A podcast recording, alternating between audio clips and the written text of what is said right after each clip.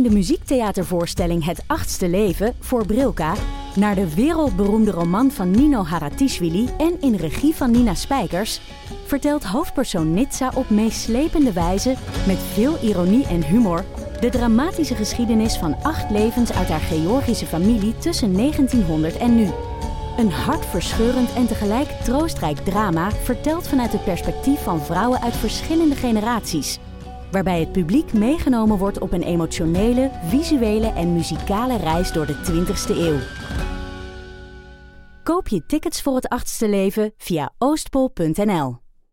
Je hoort mensen wel eens zeggen dat het boek beter was dan de film, maar wij van Boeken FM streven naar om de podcast beter te laten zijn dan het boek. Wij lezen de klassiekers die je nog niet gelezen hebt. We lezen de boeken die je heel graag wil lezen, maar waar je eigenlijk voor schaamt om in het publiek mee gezien te worden. We lezen de Libris-winnaars. Uh, we praten over de Nobelprijslariaten. Allemaal zoals je een etentje hebt, dat je moeiteloos mee kan praten en dat het lijkt alsof je helemaal belezen bent. Wij zijn Ellen, Joost en Charlotte van Boeken FM en je kunt ons luisteren in je favoriete podcast-app. Jeetje Pietje mensen, de vierde aflevering in twee weken. Zijn jullie ons al zat? Nee, toch? Nee. Welkom bij Damn Honey.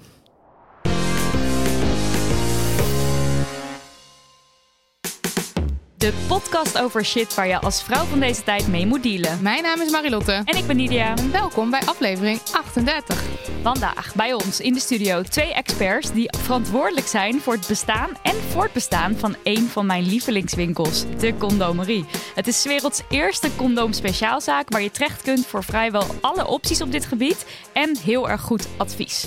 De eerste die ik aan jullie voor mag stellen is Theodor van Boven. Hij is een van de drie briljante zielen die in 1987 de condomerie oprichtte, omdat hij het tijd vond voor een condoomspeciaalzaak met veel keus en goede voorlichting. Welkom Theodor. Dankjewel. Hallo.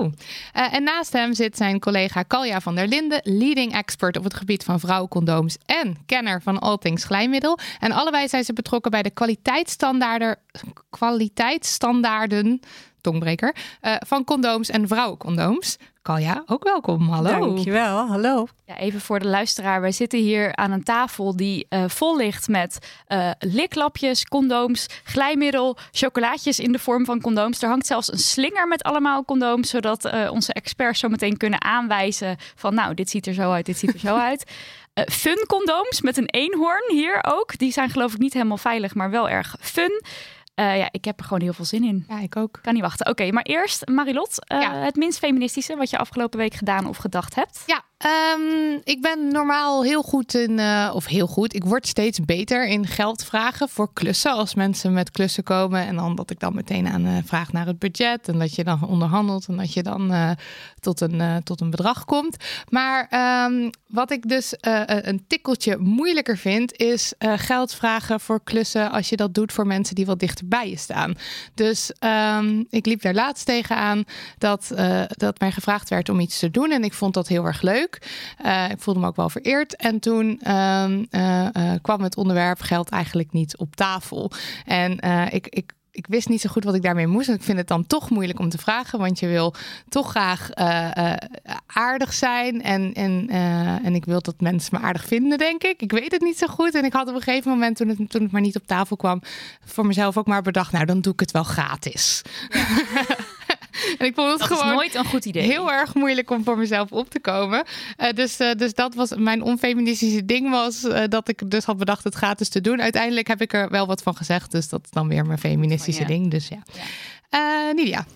Ja, um, nou voor de mensen die al wat langer luisteren, die weten dat ik uh, qua fast fashion uh, een beetje dat heb afgezworen. Ik probeer geen nieuwe kleding te kopen. En dat gaat hartstikke goed. Maar ja, toen werden we uitgenodigd voor het boekenbal. En ik had me echt ik had me een broek zien hangen. Die was echt gorgeous. Hij was blauw, glitter, paars, zilver. Alles wat ik wilde. Um, nou ja, dus wij naar die winkel. En uiteindelijk heb ik hem niet zelf gekocht, maar heb ik hem gekregen van Daniel. Dankjewel, Daniel. Maar toch, um, dat ik me weer liet verleiden door zo'n nieuw gemaakte broek. Die ook volgens mij, ik heb dat merk nog geprobeerd op te zoeken, maar er was volgens mij niks eco of duurzaams uh, mm. aan. Het was wel een eenmanszaakje. Je nou, trekt hem wel ook nooit meer uit. Je woont erin. Wat een fantastische winkel is. Shout-out naar Tits. Dus nou ja. Um, Maar ik heb, ik heb ook nog een kettingje toen gekocht. en oh ja, ik heb ook nog make-up gekocht, wat op zich niks mis mee is. Maar daar kreeg ik dus 25% korting omdat het Internationale Vrouwendag was. Wat ik ook zo'n bullshit vind, dat dan die winkels opeens korting gaan geven op vrouwenproducten. Ehm, Ja, vooral met, eh, met eh, kledingwinkels vind ik dat heel erg raar. Ja, helemaal. Heel omdat weird. vrouwen in, eh, in India of in, in China dat voor veel te weinig geld onder En dan ook nog met korting verkopen. Ja, Onder dat sausje Internationale Vrouwendag. Maar ik dacht dus wel, oh chill, want die highlighter is hartstikke duur en nu krijg ik korting. dus nou ja, dat was het. Theodor, heb jij de afgelopen tijd nog iets minst niet feministisch uitgespookt? Dat is een eh, goede vraag. Het is allemaal yin-yang, eh, moet ik zeggen. De afgelopen tijd, ik neem het wat ruim. Eh, dus ik neem het in 32 jaar. Ehm, wij begonnen met z'n drieën. Ricky, Marijke en ik. En, Ricky en Marijke zijn allebei vrouwen, hè? Ja, Ja. ja, ja Marijke Vilijn, Ricky Jansen, Theo van Boven. Uh, maar wij vonden in onze uh, onuitputtelijke uh, cafébezoeken, waar we alles heel goed over dachten, dat, dat AIDS-virus vond men een, een homoziekte toen. Wij vonden van niet, algemene geslachtsziekte. Dus we besloten al helemaal in het begin, toen de media aan de deur klopten, om de twee vrouwen uit ons team gingen in de, in de spotlight staan. Ja. En ik als man ging uh, naar achter. Het heeft al een jaar of tien geduurd. Uh, maar dat was om de balans te vinden. Want je, feministisch of niet, vrouwen zijn met sexual reproductive health... zijn die kwetsbaarder dan mannen. Mm. Het is niet eerlijk verdeeld in de wereld. hoe, zou je dat, kan je dat al kort uitleggen? Nou, zij kunnen zwanger worden. dus het is toch... Um, het is, een, een, vrouw is kwetsbaarder wat dat betreft, mm. of moet beter opletten. En gelukkig doen ze dat uh, ook. Ja. Uh, ik vind dat vrouwen veel beter nadenken daarover dan uh, mannen. een ander ding, oh, terugkomend of jij zei maar dat wij hadden geen geld. ik kon niet eens Daar meer... moet je dan dus om vragen. Toen we begonnen. Uh, ik kon niet eens meer een check uitschrijven. Uh, zo ging dat toen. Uh, Mooie tijden. Ja. Ehm, we waren absoluut niet rijk, maar wel rijk aan ideeën. En wat wij toen vroegen aan onze vrienden is om te helpen. Maar wat wij deden is... Waarom moet je je vrienden minder laten... Waarom vraag je aan je vrienden... Uh, om een, een gratis uh, te, voor je te werken of uh, voor een halve prijs. Nee, wij vonden, lever, help ons, schrijf een factuur uit, zoals naar een commercieel bedrijf. Alleen of wij kunnen betalen is wat anders. maar we hebben dat in de, in de boekhouding gedaan. En toen na een jaar hebben we iedereen kunnen betalen. En het is een ontzettend lekker gevoel om juist ja. je vrienden goede prijs te betalen. Ja, dan gaat het ook niet scheef lopen. Want dan kan je gewoon eisen stellen aan het werk wat geleverd wordt. Nou ja, ja, Zodra je daar moeilijk over geld gaat doen, dan denkt iemand ook van ja, maar ik doe dit, ik doe dit voor niks. Dus waarom ja. zou ik er ook extra moeite nee, maar in kijk, steken? jij kan het wel voor niks doen, maar je Elektra uh, die doet het niet voor niks. En je telefoonmaatschappij uh, doet het ook niet voor niks. Nee. Hoe goed je ook uh, bezig bent. Maar wat is er niet feministisch aan? Ik vind het namelijk heel feministisch. Het is allemaal heel klinken. feministisch. Ik, dan begrijp ik het uh, begrip feministisch niet. Oh. nou ja, dat je, dat je twee vrouwen naar voren schuift juist om een statement te maken. Dat vind ik juist eigenlijk wel bijzonder ook. Ja, maar dat was uh, eigenlijk een uh, pragmatische oplossing ja. om mensen op een andere gedachte te blijven. Van jongens, opletten. Ja. Of vrouwen. Ja. Kal, ja. Nou, zo diep ging mijn voorbeeld even niet. Nee, dat hoeft ook niet. Maar als moeder van twee dochters, word ik, die nu aan het opgroeien zijn, 12 en 15, word ik wel steeds vaker dwing ik mezelf om even na te denken over de gesprekken die ik met ze voer en de keuzes die ik voor ze maak. Maar eentje waar ik laatst heel erg van schrok, was toen we hangend op de bank naar First Date zaten te kijken. En toen flapte ik er opeens uit. Ik zou zo afknappen op een man die de eerste keer niet het eten betaalt. Oh. En toen keek mijn dochter me echt aan. Van, wat? Alsof ik echt uit een dinosaurusperiode kwam. en ik schrok er ook zelf van. En toen vroeg ze eigenlijk alleen maar... Ja, maar mam, wat nou als je met een vrouw op date gaat? Ja. Nou, daar had nice. ik ook inderdaad geen goed antwoord op. In één keer klaar. Ja, de nieuwe generatie uh, is uh, staat, denk staat lekker, voor de ja. Heerlijk. Tijd voor post. Nidia, lees voor. Hi, met veel plezier luister ik jullie podcasts. Ik ben dankbaar dat ik ze heb ontdekt en de gespreksonderwerpen die jullie op tafel gooien. Vanmorgen luisterde ik aflevering 10 terug en deed mijn hart een sprongetje. Want eindelijk ging het over de onbegrijpelijke situatie rondom de achternaam. Nou hoor ik denken, Eindelijk, je had ook eerder kunnen berichten. Maar ik dacht, eerst eens kijken of ik niet wat vroeg reageer. En jawel, dat was dus het geval. Ik heb dit onderwerp al eens met mijn vriend besproken en hij ziet het probleem er niet zo van in. Het is toch maar een achternaam? Die zo onbelangrijke achternaam wijzigen in de mijne is echter uit den boze. Ja, ik mag mijn eigen naam aanhouden, natuurlijk. Hij is de broertste niet. Maar dat ons kind mijn achternaam zou krijgen, dat is ondenkbaar. Want gezien de ongebruikelijke situatie, echt ondankbaar jegens zijn familie. Een regelrechte belediging. Ik was ervan op de hoogte dat de motie is ingediend ten behoeve van een wetsvoorstel in 2019. Weten jullie inmiddels hoe ver dit is? En daarnaast de vraag: wat zouden jullie verder adviseren? Strijdend ten onder doorvechten voor mijn achternaam of dan toch maar zijn achternaam? Want zo hebben we het altijd gedaan. Vreselijk als iemand dat zegt. Nogmaals, dank voor al jullie dappere woorden en daden en alvast dank voor het advies. Ja, de situatie achternaam. Ja, ik uh, ging dus eventjes kijken uh, uh, op rijksoverheid.nl.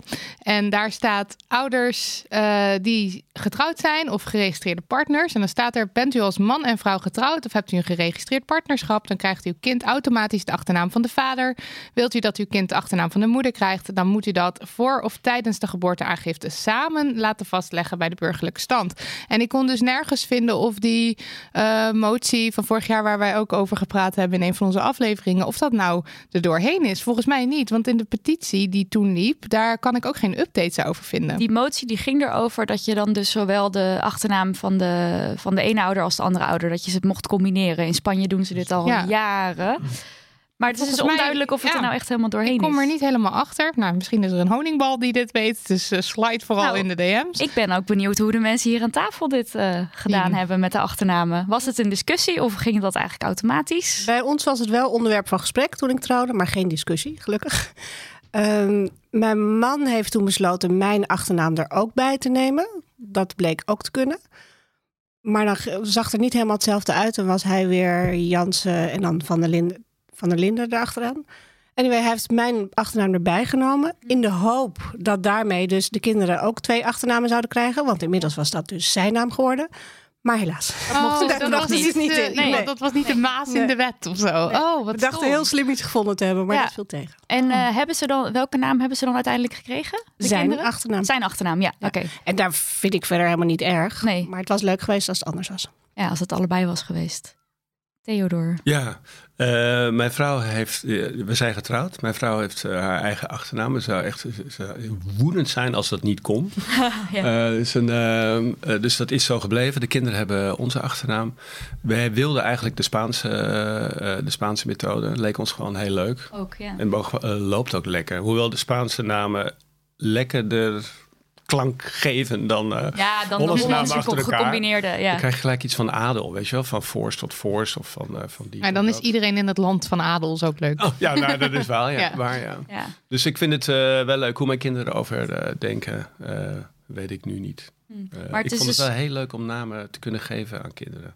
Want jouw kinderen zijn ook al wat ouder, toch? Ja, 25, 23, 19. Dus bij jullie allebei was dit al best een tijd geleden al een onderwerp. En nog steeds is het blijkbaar niet mogelijk om het dus. Uh, ja, en het advies stond ook al heel erg lang om dat dus te gaan combineren. En ik vind het eigenlijk heel raar dat hier dus helemaal geen nieuws meer over te vinden is. Maar ik wil, wil wel zeggen dat ik heb bijvoorbeeld in, uh, uh, met klassen, schoolklassen en sport.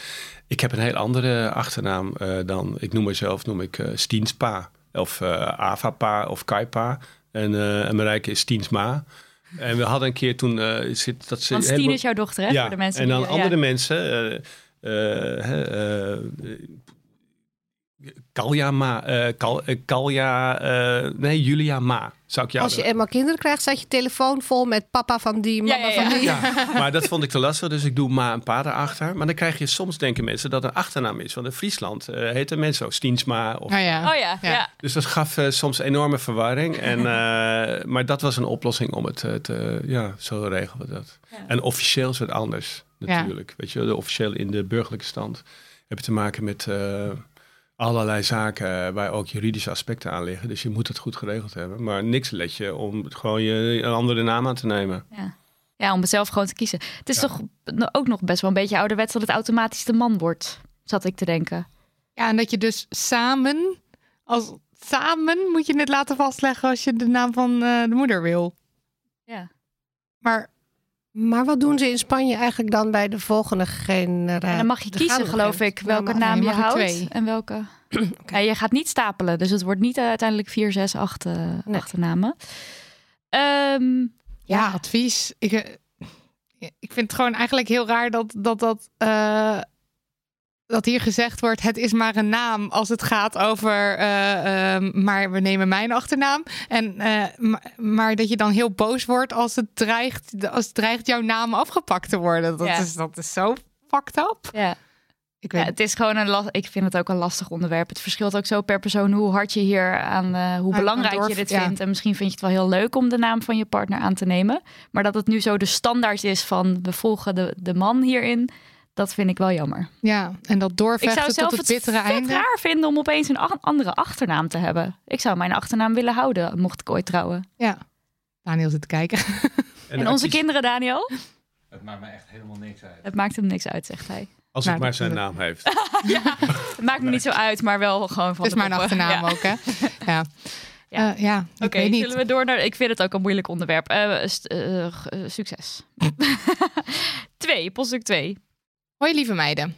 Ik kon jullie e-mailadres voor post niet vinden. Dus ik doe het even zo. Dit kwam via de DM. Eh, Info at damhoney.nl, lieve mensen. allereerst, love jullie podcast. Ik ben een trouwe luisteraar en ga vaak met mezelf in discussie over hoe ik naar bepaalde onderwerpen kijk. Heel fijn stukje bewustwording zo. Dank daarvoor. Afgelopen week heb ik iets niet feministisch gedaan en daar voel ik me schuldig over. Nu zit het zo. Ik werk in de horeca en vind het ontzettend fijn als mensen in ons restaurant komen eten en dat deze ook nog eens super enthousiast zijn over onze locatie, service en food. Laatst had ik vader en zoon, zo rond de 70 en 40 schat ik, aan tafel en die waren over alles zeer tevreden en zeer enthousiast. De zoon noemde mij als hun gastvrouw op een gegeven moment een leveke, wat Limburgs is voor lieverd. Dit terwijl ik hem alleen bediende en nog nooit eerder had ontmoet. Ik voelde me hier al wat ongemakkelijk bij, maar besloot er niks van te zeggen. Vervolgens gingen zij weer naar huis, gaven me allebei een hand als bedankje en toen besloot de zoon mij ook nog eens drie kussen te geven op mijn wang. Ik schrok hiervan, maar ging hier wel in mee omdat ik geen idee had hoe ik er onderuit moest komen. Daarna voelde ik me schuldig naar mezelf toe. Als ik echt feministisch had willen zijn, eh, had ik dit niet mogen toelaten. Hoe ga ik hier de volgende keer mee om? Want als iemand wel de handeling wil verrichten, met welke intentie dan ook, is het verdomd lastig om daar onderuit te komen.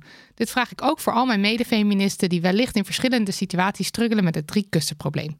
Ja, of überhaupt met het probleem van... ehm, soort dat iemand eh, inderdaad te gast is bij jou... of dat je een soort gekke verhouding hebt met zo iemand... als je staat te serveren en dat ze dan Ja, dat je inderdaad aanspreken als is, lieverd. ja. Of als, ja, waar ligt dan de grens en waar zeg je er wat van? Theodor zit nu heel hard te lachen en naar mij te kijken, omdat ik heel snel mensen moppie, schatje, liefie. Zonder aanzien des persoons. Echt Amsterdams. Ja, maar dat is ook wel weer een- een soort ander gevoel, denk ik, dan wat je hierbij krijgt bij deze beschreven situatie. Kan ik me voorstellen. Ik zou, ik zou er namelijk bij jou minder aanstoot aan nemen dan, eh, dan in deze situatie. Ik heb ehm, toen ik tiener was ook zo- zo'n vergelijkbaar iets gehad. In Italië waren we op vakantie in een restaurant en er waren twee mannetjes, een soort van fan van mij en mijn zusje. En toen we uit het restaurant liepen, eh, pakte een van die mannen mijn hand en die trok zich zo, eh, trok mij zo naar zich toe en die gaf me zo'n zo'n zo'n kus op mijn wang. En dat, dat weet ik gewoon nog steeds, want het maakt heel veel indruk. Ik vond het ook helemaal niet fijn. Oud was je toen? Ik denk een jaar of 14, 15, Oh ja, zoiets. nee, dan is het anders. Ja. Bij een driejarige is het, eh, dan is het normaal. Dan, dan zijn het echt kinderen. Maar ik was gewoon... Ja, en het zou, misschien was het een cultuurding, maar ik vond het niet prettig hoor. En wat, eh, wat reageerden jouw ouders dan? Ja, ik, volgens mij zeiden men, ik weet het niet zo goed meer, maar ik, volgens mij deden ze het een beetje af van ach, hè, dat bedoelden ze niet zo slecht. Lieve zo. oude Ja, precies, mannetjes. een beetje dat. Ja. En eh, dan. Ik vind het lastig hoor, want ik kom dan, eh, wij komen heel vaak bij onze vrienden, Spaanse vrienden in Andalusië, Hartje Andalusië, Benemegie, Antequera. Je wordt daar door iedereen eh gezoend. de meest wildvreemde dan opeens, omdat je dan lid bent van een, van, onderdeel bent van een grotere familie. ja. Krijg je van de meest onbekende krijg je een zoen. Maar En, dat is niet in, in de serveerder uh, De serveerder setting. klantensetting. Want absoluut- dit is meer Nee, een soort absoluut niet. familiair... Nee, dat zijn familiair of Ja. vrienden. Ja. Maar eh, ik weet het nooit. Eh, je hebt culturele verschillen. Ja, Maar misschien hoef je je ook niet te wagen aan een interpretatie van het geheel. Want de, de, de ander kan het heel goed bedoelen, dat, dat weet je niet. En daar kan je ook over in discussie komen. Maar als je teruggaat tot de kern van, oké, maar ik wilde het niet. Ja. En in Ja. hoeverre ben ik in staat om op zo'n moment adequaat te reageren? Ja. Nou, op dat moment misschien niet, maar bij een volgende keer eh, is het misschien wat sneller. Wel, ja. Ja. Maar dan kan je ook een beetje wegblijven van, ja, bedoelde die het goed, bedoelde die het niet goed? Dat Ging die bewust een uit, grens over of niet? Het gaat daar inderdaad ook niet om. Het gaat niet om de ander. Het gaat erover hoe jij je voelt. Ja. En, eh, maar ik snap ook wel weer dat als je eh, in de bediening werkt en je denkt, ja, maar je, je- je wil je werk goed doen. Je wilt dat de klant je aardig vinden. Ze, zegt, ze schrijft ook, eh, als, als, ik word er ook heel blij van als mensen enthousiast zijn en het eten lekker vinden. Dan snap ik dat, je, dat dat dan heel moeilijk is om dan iets van zo'n situatie te zeggen. Dat is een enorme drempel. Nou, wel wanneer die review-druk erbij komt tegenwoordig. Ook nog. oh ja, ook nog. Nou, wat heb ik daar een bloedhekel aan? Ja. Dan ben je ergens geweest en dan moet je weer een review over een bedrijf geven. Nou, ik weiger. Eh, ik vind het gewoon Hij doet het gewoon niet. Hij doet het belach- niet. Ja, belachelijk. Ja. wel als een man hier. Nee, nee, maar, nee, maar eh, het is ook een soort sociaal oordeel. Hè? En, eh, je geeft een oordeel over mensen. Ja. Maar ik vind wat Kalja zegt, vind ik wel goed. Ja, als jij je ongemakkelijk voelt, dan, eh, dan niet. Gelukkig hebben we nu corona. eh, dus dan eh, Ja, dus dat dan soort... hebben we straks helemaal niet meer dat we elkaar aanraken. Misschien. Nee, dan, dan krijg ja. je... nee, ik- Maar dat leveke, of dat lieverd dan dus, ehm, dat is toch ook iets wat weer sneller tegen dames in de bediening gezegd wordt? Want je, of zeg jij tegen, ik kijk even naar Kalja, als er dus een jongen jou bedient, zeg je dan ook bedankt moppie of bedankt lieverd? Of is dat meer bijvoorbeeld in de winkel eh, onderling met je collega's of met, nou misschien nu tegen ons? We kennen elkaar nu eventjes. In mijn geval is het inderdaad niet snel in de winkel, maar dat heeft ook met eh, het product te maken dat we bewust heel veel Ja, afstand snap nemen ik. van Ja, ja, mensen ja. om niet te intiem te worden. Het, ik denk inderdaad wel dat je het eerder tegen. Het, er zit een lichte machtsverhouding in. Ja, Eh, maar niet per se eh, met nare intenties, maar die, die zit er absoluut wel in, denk ik. Ja. Dus ik zou, ik zou het zeggen naar mensen die of ouder zijn dan ik, jonger zijn dan ik, of mensen waar ik inderdaad een goede band mee heb. Het blijft gewoon lastig. En ik denk, dit, dit, eh, dit eh, overkomt je weer een beetje. Hè? Dit is weer zo'n situatie dat je achteraf denkt van... eh, oh, Had ik hè? maar wat opeens gezegd, was ja. die... Want ik heb ook wel eens opeens die klap op mijn bil gehad van een klant... toen ik nog bij de Coffee Company werkte. Of eh, opeens eh, iemand waarmee ik werkte die mij tegen de muur duwde... en zei, dit is toch wat je wil. En dat je gewoon volledig... Dat ik daar dus ook niet... Ik reageerde daar toen ook niet adequaat op van dit is wat je wil. Hallo, wij hebben een werkrelatie. Jij bent de manager daar, ik ben de manager hier. Dit was super weird, maar het overkomt je. En Ja, en Ja. je, je moet het dan in ook niet... dat was ook in een werkverhouding, ja. Was niet een klant, maar dat was dus, eh, nou ja, soort van klant trouwens wel. Dat is lastig uit te leggen. Die jou op de bil sloeg. Of, eh, Allebei. Dus één keer ben ik dus tegen de muur geduwd, zo van om te zoenen. En toen zei hij, dit is toch wat je wil? En toen zei ik, eh, nee. Dat was super raar. Maar ik, ik weet ook nog dat ik daar toen niks echt van gezegd heb. En het ook niet tegen mijn collega's gezegd heb van dit is er gebeurd. Want het, het voelde allemaal alsof het maar erbij hoorde. Dus dat zinnetje wat je vaak hoort Ja. hierover. Belachelijk. Ik ben ook een keer door een Ja, huisschilder tegen de muur gezet. Inderdaad. Ja. Hetzelfde. Dit is toch Ja. wat je wil. Ja. En het stomme was dat ik ook alleen maar, eh, nee. Nou, zie je dus dat het, En- over, het overvalt je. Ja, en achteraf nog een vriendin moest bellen om te vragen of ik geen verkeerde signalen had gegeven. En of Ja, het ja, ja. heel Oh, ja. raar zou zijn Nou als ja. ik zijn baas zou bellen. Dit heb ik ook gedacht. Godzijdank zei ze, nee, het is niet raar als hij zijn baas belt. Dus Ja. dat heb ik gedaan. Maar Ja, dus het is heel normaal om dit soort gedachten te hebben op het moment dat het je zo overvalt. Ja. En dat kan op een best wel, want jullie beschrijven best extreme voorvallen. Dus zelfs dan kan het nog gebeuren. En dan bij zoiets wat klein lijkt, zeker. Als je dan, als je dan niet meteen adequaat weet te reageren, dat is niet. Dat is niet erg en het is ook niet Onfeministisch. precies. Ja, dat. En het gaat ook om een veilige werkomgeving. Daar hoort dit eh, ook bij. Ja, en het is ook weer heel erg typische ding van het zijn niet de vrouwen die dan beter moeten reageren. Het zijn dan dus de mannen, in dit geval zijn het mannen, die dat niet dat gedrag moeten vertonen. Ja. Wat wij hebben bij de Condo Marine, eh, je hebt te maken met eh, seks en intimiteit. Daar moet over gepraat worden soms. En toch moet je je afstand bewaren. En je kan nog zo slim zijn en weet ik veel, cum laude afgestudeerd zijn in wat dan ook. Maar als je de sociale eh, wetten niet goed kent, dan word je, ons, eh, ehm, wordt er misbruik eh, van je gemaakt. Kan, je kan er misbruik van je gemaakt worden, wat niet, wat niet de bedoeling is. Dus je moet die, je moet die afstand kunnen bewaren. Gaat met gebaren, gaat met taal. We, we letten erg op taalgebruik. En ehm, op vragen niet beantwoorden. Eh, in klantsituaties. Ja, dus daar hebben jullie van tevoren ook als mensen nieuw in het team komen. ja. Ja, precies. Is Daar dat onderdeel van het ja. Absoluut. En dat zou hoe, denk en ik hoe vaker. sociaal weerbaar ben je? En eh één keer hebben we iemand, dat is maar één keer gebeurd, die is gewoon, was zo vriendelijk, eh, dat meisje. Het was, het was zo open en vriendelijk. Maar dat werkt bij ons niet. Eh, je, je moet je afstand eh, bewaren. Mm. We, hebben, eh, we hebben gezegd, eh, je, je mag, je- jij mag niet veranderen. Eh, jij, jij bent eh, de persoon die je bent. Maar dit is niet het werk eh, eh, wat bij jou past. Dat is dan niet veilig eh, genoeg in. eh, Nou, Ze was eh, veel te open. En, Ja. eh, en wij, wij, eh, eh, werken in de Warmestraat. De Warmestraat is stad, is urban. Is eh, alles wat fout kan gaan, eh, kan fout, gaat fout. Maar je kan het voorkomen door, eh, eh, door scherp te zijn, door eh, streetwise, door ehm, eh, bepaalde regels die wij hebben ehm, eh, goed in acht te nemen. En we leren mensen dat ook. Ja, en dat denk ik dus, dat mag dus veel vaker in meer situaties. Want kijk, jullie hebben dan specifiek dit onderwerp. Maar waarom zou je in een café of, of in, nou ja, zoals bij mij bij de Coffee Company. Ik heb daar nooit geleerd van je moet niet alles maar over jezelf vertellen. En ik, ben, Oh. ik denk dat ik heel vergelijkbaar ben met dat meisje. Dus heel open en heel vriendelijk en meegaan en la la la la. En eh, als dan dus iemand op je bil slaat, dan weet je dus ook niet...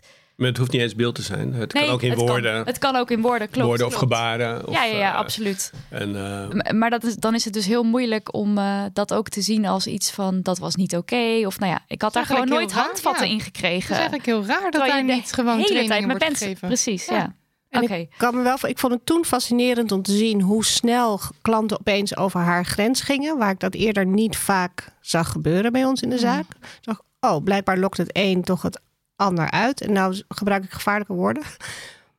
Ja, want Wat je mij- bedoelt er niet mee van het is haar schuld dat ze dit. eh, Nee, en tegelijkertijd denk ik ook dat je kan trainen wat je wil, maar sommige dingen zijn niet meer te voorkomen. Dan komt het gewoon op brute kracht Ja, neer. ja, En dan, ja. dan kan je nog zo weerbaar zijn en Ja. alles goed volgens het boekje hebben gedaan. ja. Maar tot een, bepaalde, tot een bepaald punt denk ik dat er veel ellende te voorkomen is als je, zelf, als je inderdaad eh, getraind wordt, bijgestaan wordt, gewaarschuwd wordt van tevoren. En een beetje op je houding en je taal. En dan weet je van er staat een team achter mij. En dat is ook heel belangrijk. Dus zij, zij, eh, nou ja, zij, ze, ze staan aan mijn kant. En het is niet Ja. mijn schuld. ja, en volledig. Waarbij Ja, ik dus absoluut niet wil zeggen dat dat meisje niet goed getraind is en dat het haar schuld is. Nee, nee, nee, nee. nee. Nee, dat zit Maar- dan in dat de dit een, persoonlijkheid eh, niet dit werkt was een de extreme situatie. Ja. Maar ik ben dan dus even terug naar, naar deze situatie. Ja. Eh, ik ben dus dan wel benieuwd hoe bijvoorbeeld de, de manager of, of eh, de bedrijfsleider van dit restaurant, hoe die hierop zou reageren als je het dus zou aangeven. Want wordt, wordt dit soort dingen eh, serieus genomen? Of zeggen ze, net zoals bijvoorbeeld mijn ouders, ach, ze bedoelen het Hoort toch erbij, niet. is leuk, ja. Daar zou je dus eigenlijk wel. Je zou er dus training in moeten geven. Ik zit nu ook te denken, ik heb in een boekhandel gewerkt. Daar heb ik ook genoeg van dit soort situaties meegemaakt. Nooit training voor gehad. Dat meen je niet. Ja, Nou, dit is eigenlijk Gat in een de oproep. markt. Ja. ja gat in de markt. Voor jou. Ja, ik doe het wel op een gegeven moment. Nee, maar ehm, nee, het gaat om een veilige omgeving. Daar Ja. heeft het ook mee te maken.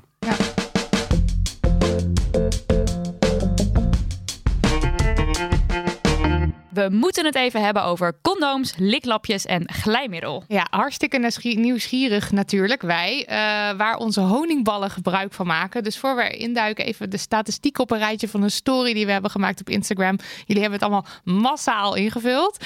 Eh 57% van jullie gebruikt condooms. Wel Tegen- eens, hè, had ik er tussen. Ja, wel eens condooms, ja. Tegenover 43% niet. De redenen om wel een condoom te gebruiken zijn... ik wil geen SOA, ik wil geen baby.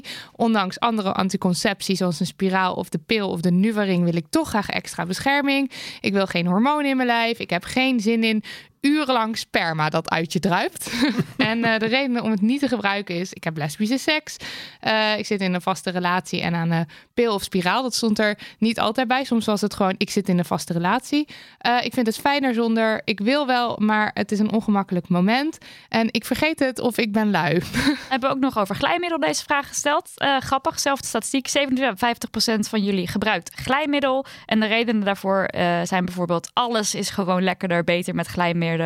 Het werkt als een tierenlier als het even wat stroever gaat. Voornamelijk met speeltjes ook eh, fijn. Bij massages, soms bij pijn, soms bij masturberen. En het is geweldig. En om het eh, niet te doen zijn de redenen... het is niet nodig. Het is allemaal erg nat van mezelf. Als het niet vanzelf glijdt, moet er maar meer gevingerd en gebeft worden.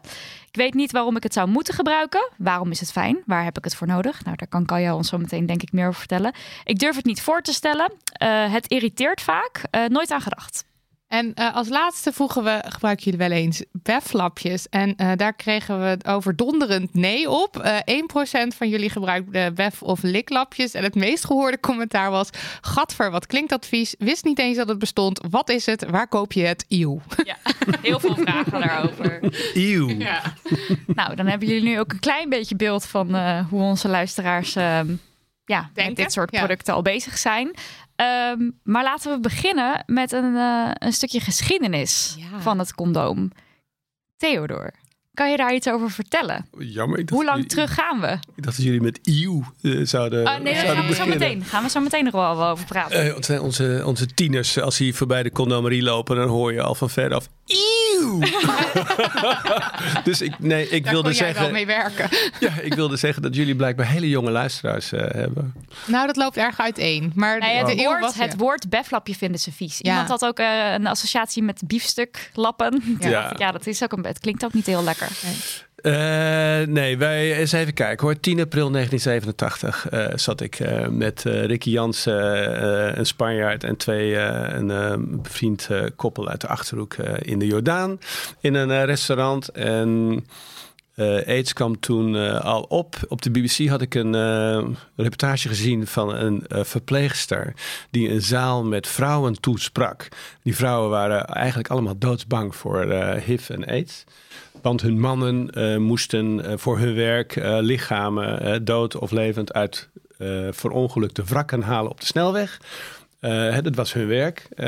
dan heb je natuurlijk te maken met bloed. Ze komen thuis, ze komen in bed, ze hebben seks of niet. En die vrouwen waren bang dat die mannen besmet zouden raken van het bloed van de slachtoffers.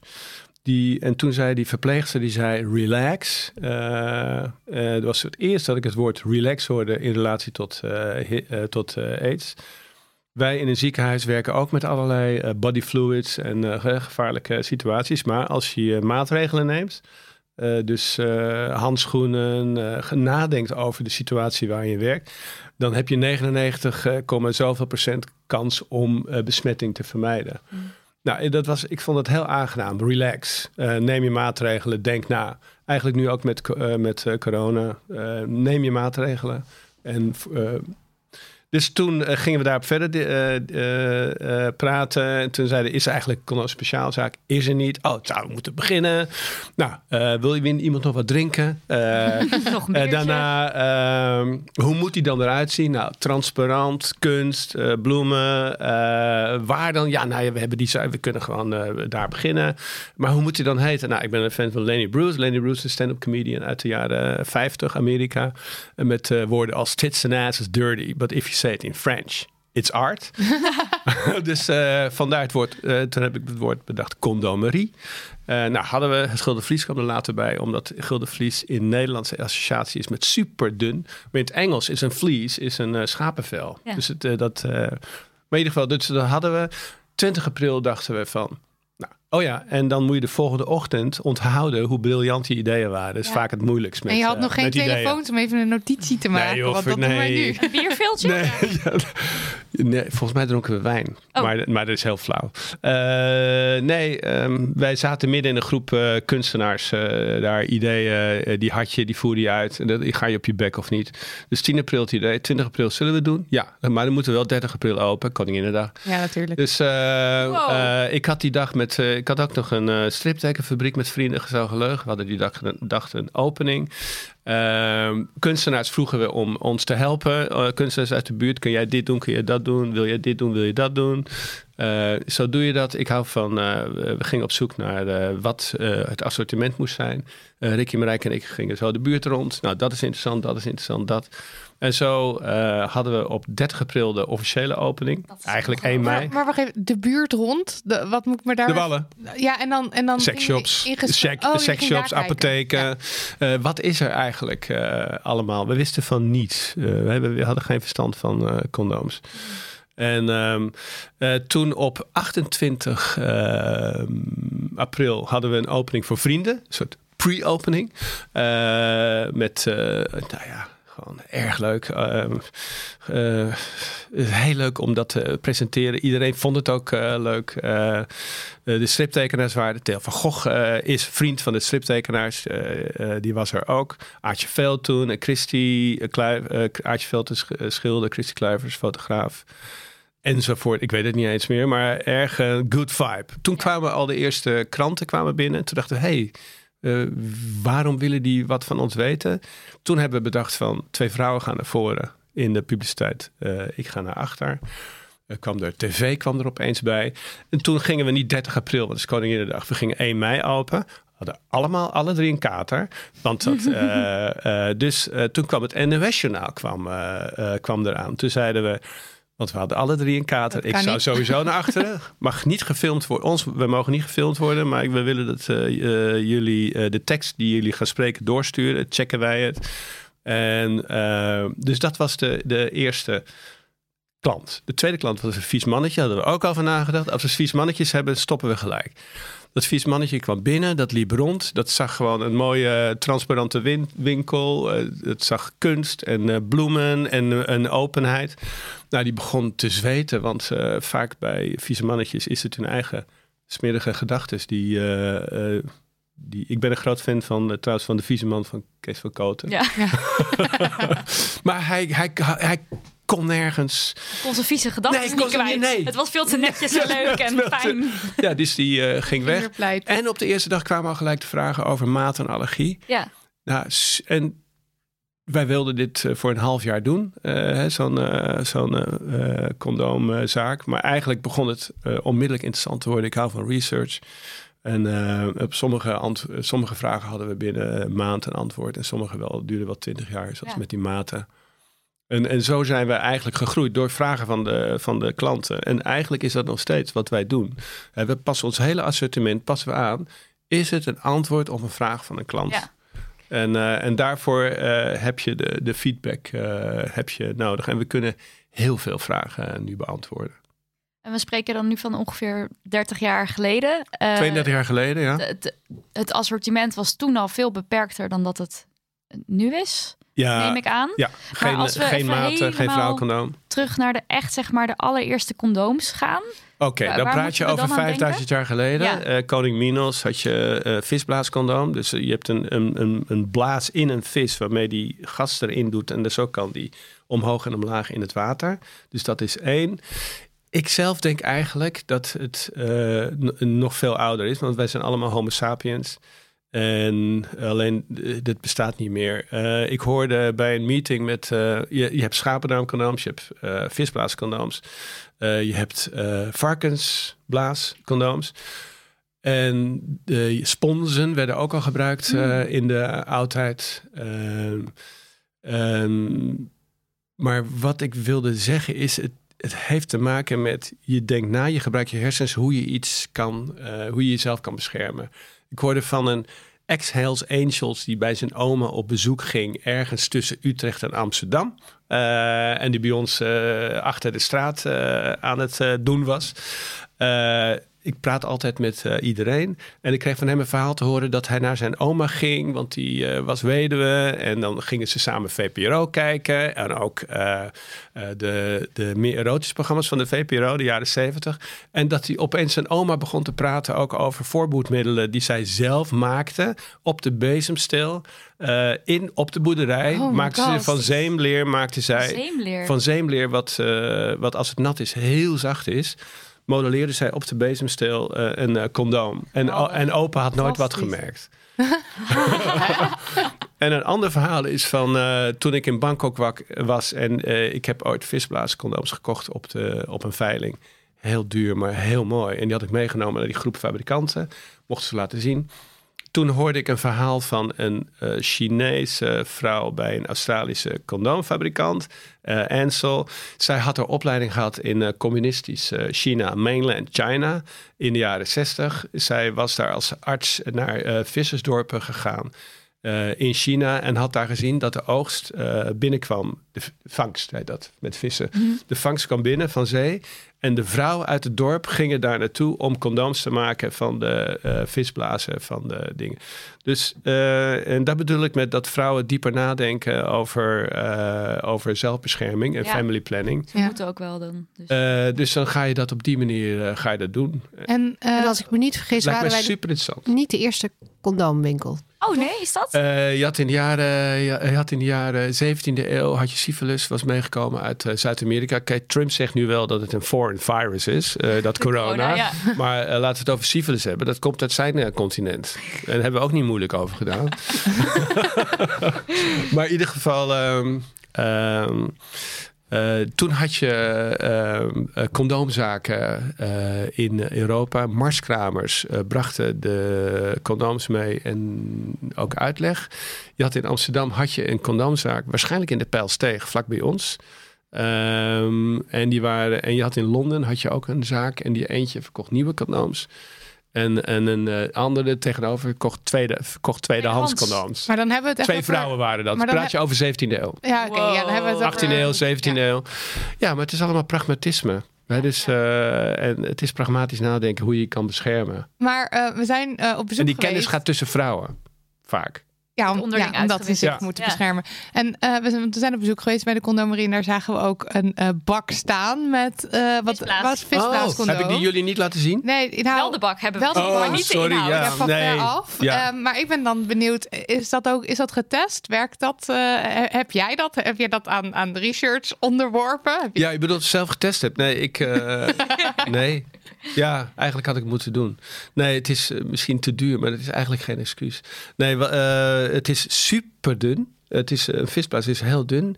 Dan eh, zat er een zijde eh, ehm, draadje bovenin. Om het vast te knopen. om het op maat te trekken. Dus het Ja. was super dun en je kon het helemaal op maat doen. En ik weet wel dat alles wat je droog bewaart, eh, eh, blijft lang goed. Hè, kruiden, eh, eh, drugs, droog, drogisterij, droog bewaren van kruiden. Dus dan kan je dat eh, heel lang bewaren. Dus dat werd ook weer gedroogd. En ja, ik verzamel ook verhalen van meervoudig gebruik van condooms. Van vroeger, vooral in tijden dat er bijvoorbeeld de, in de oorlog of bij de crisis was. En ook in Nederland werden condooms meervoudig gebruikt. En hoe je dat dan moest doen. Ik heb Ja. een heel protocol genoteerd van iemand die dat aan mij uitlegde. En Belgen maakte de grap van, eh, je weet als je in Nederland eh, bent via de snelweg, want dan zie je de eh, gewassen condooms tussen de, tussen de, tussen Zoals de was hier hangen. aan een waslijn zeggen wij Ja. hier nu ook condooms hangen. Maar waar het om gaat is pragmatisch nadenken. Hoe, he- hoe vind je een oplossing? Ja. Ja. En als we Maar- dan naar de condooms van nu kijken, want wanneer, eh, dus wat wij nu kennen, waar moeten we, in welke tijd moeten we dan denken? Kom ik toch weer even bij Theodor, want die is heel goed in jaartallen en feitjes.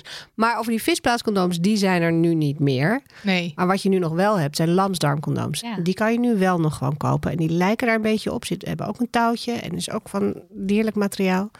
Verkopen jullie dat ook? Die Ja. verkopen we ook. Wat, wa- eh, zeg maar, wel- welk soort mens koopt dat dan? Want hoe, hoe kom je op het idee? Ja, is, is het een rare vraag? Nou, het voordeel, het nadeel van die lamsdarmcondooms is dat ze niet bewezen beschermen tegen SOA. Hmm. Eh, darmen zijn gemaakt om voedingsstoffen door te laten. Dus er zitten Oh, hele ja. kleine poriën in. Ja. Maar een spermacel komt daar overduidelijk niet doorheen. Een virus en bacteriën is het discutabel. Dus ze zijn op de markt echt voor family planning.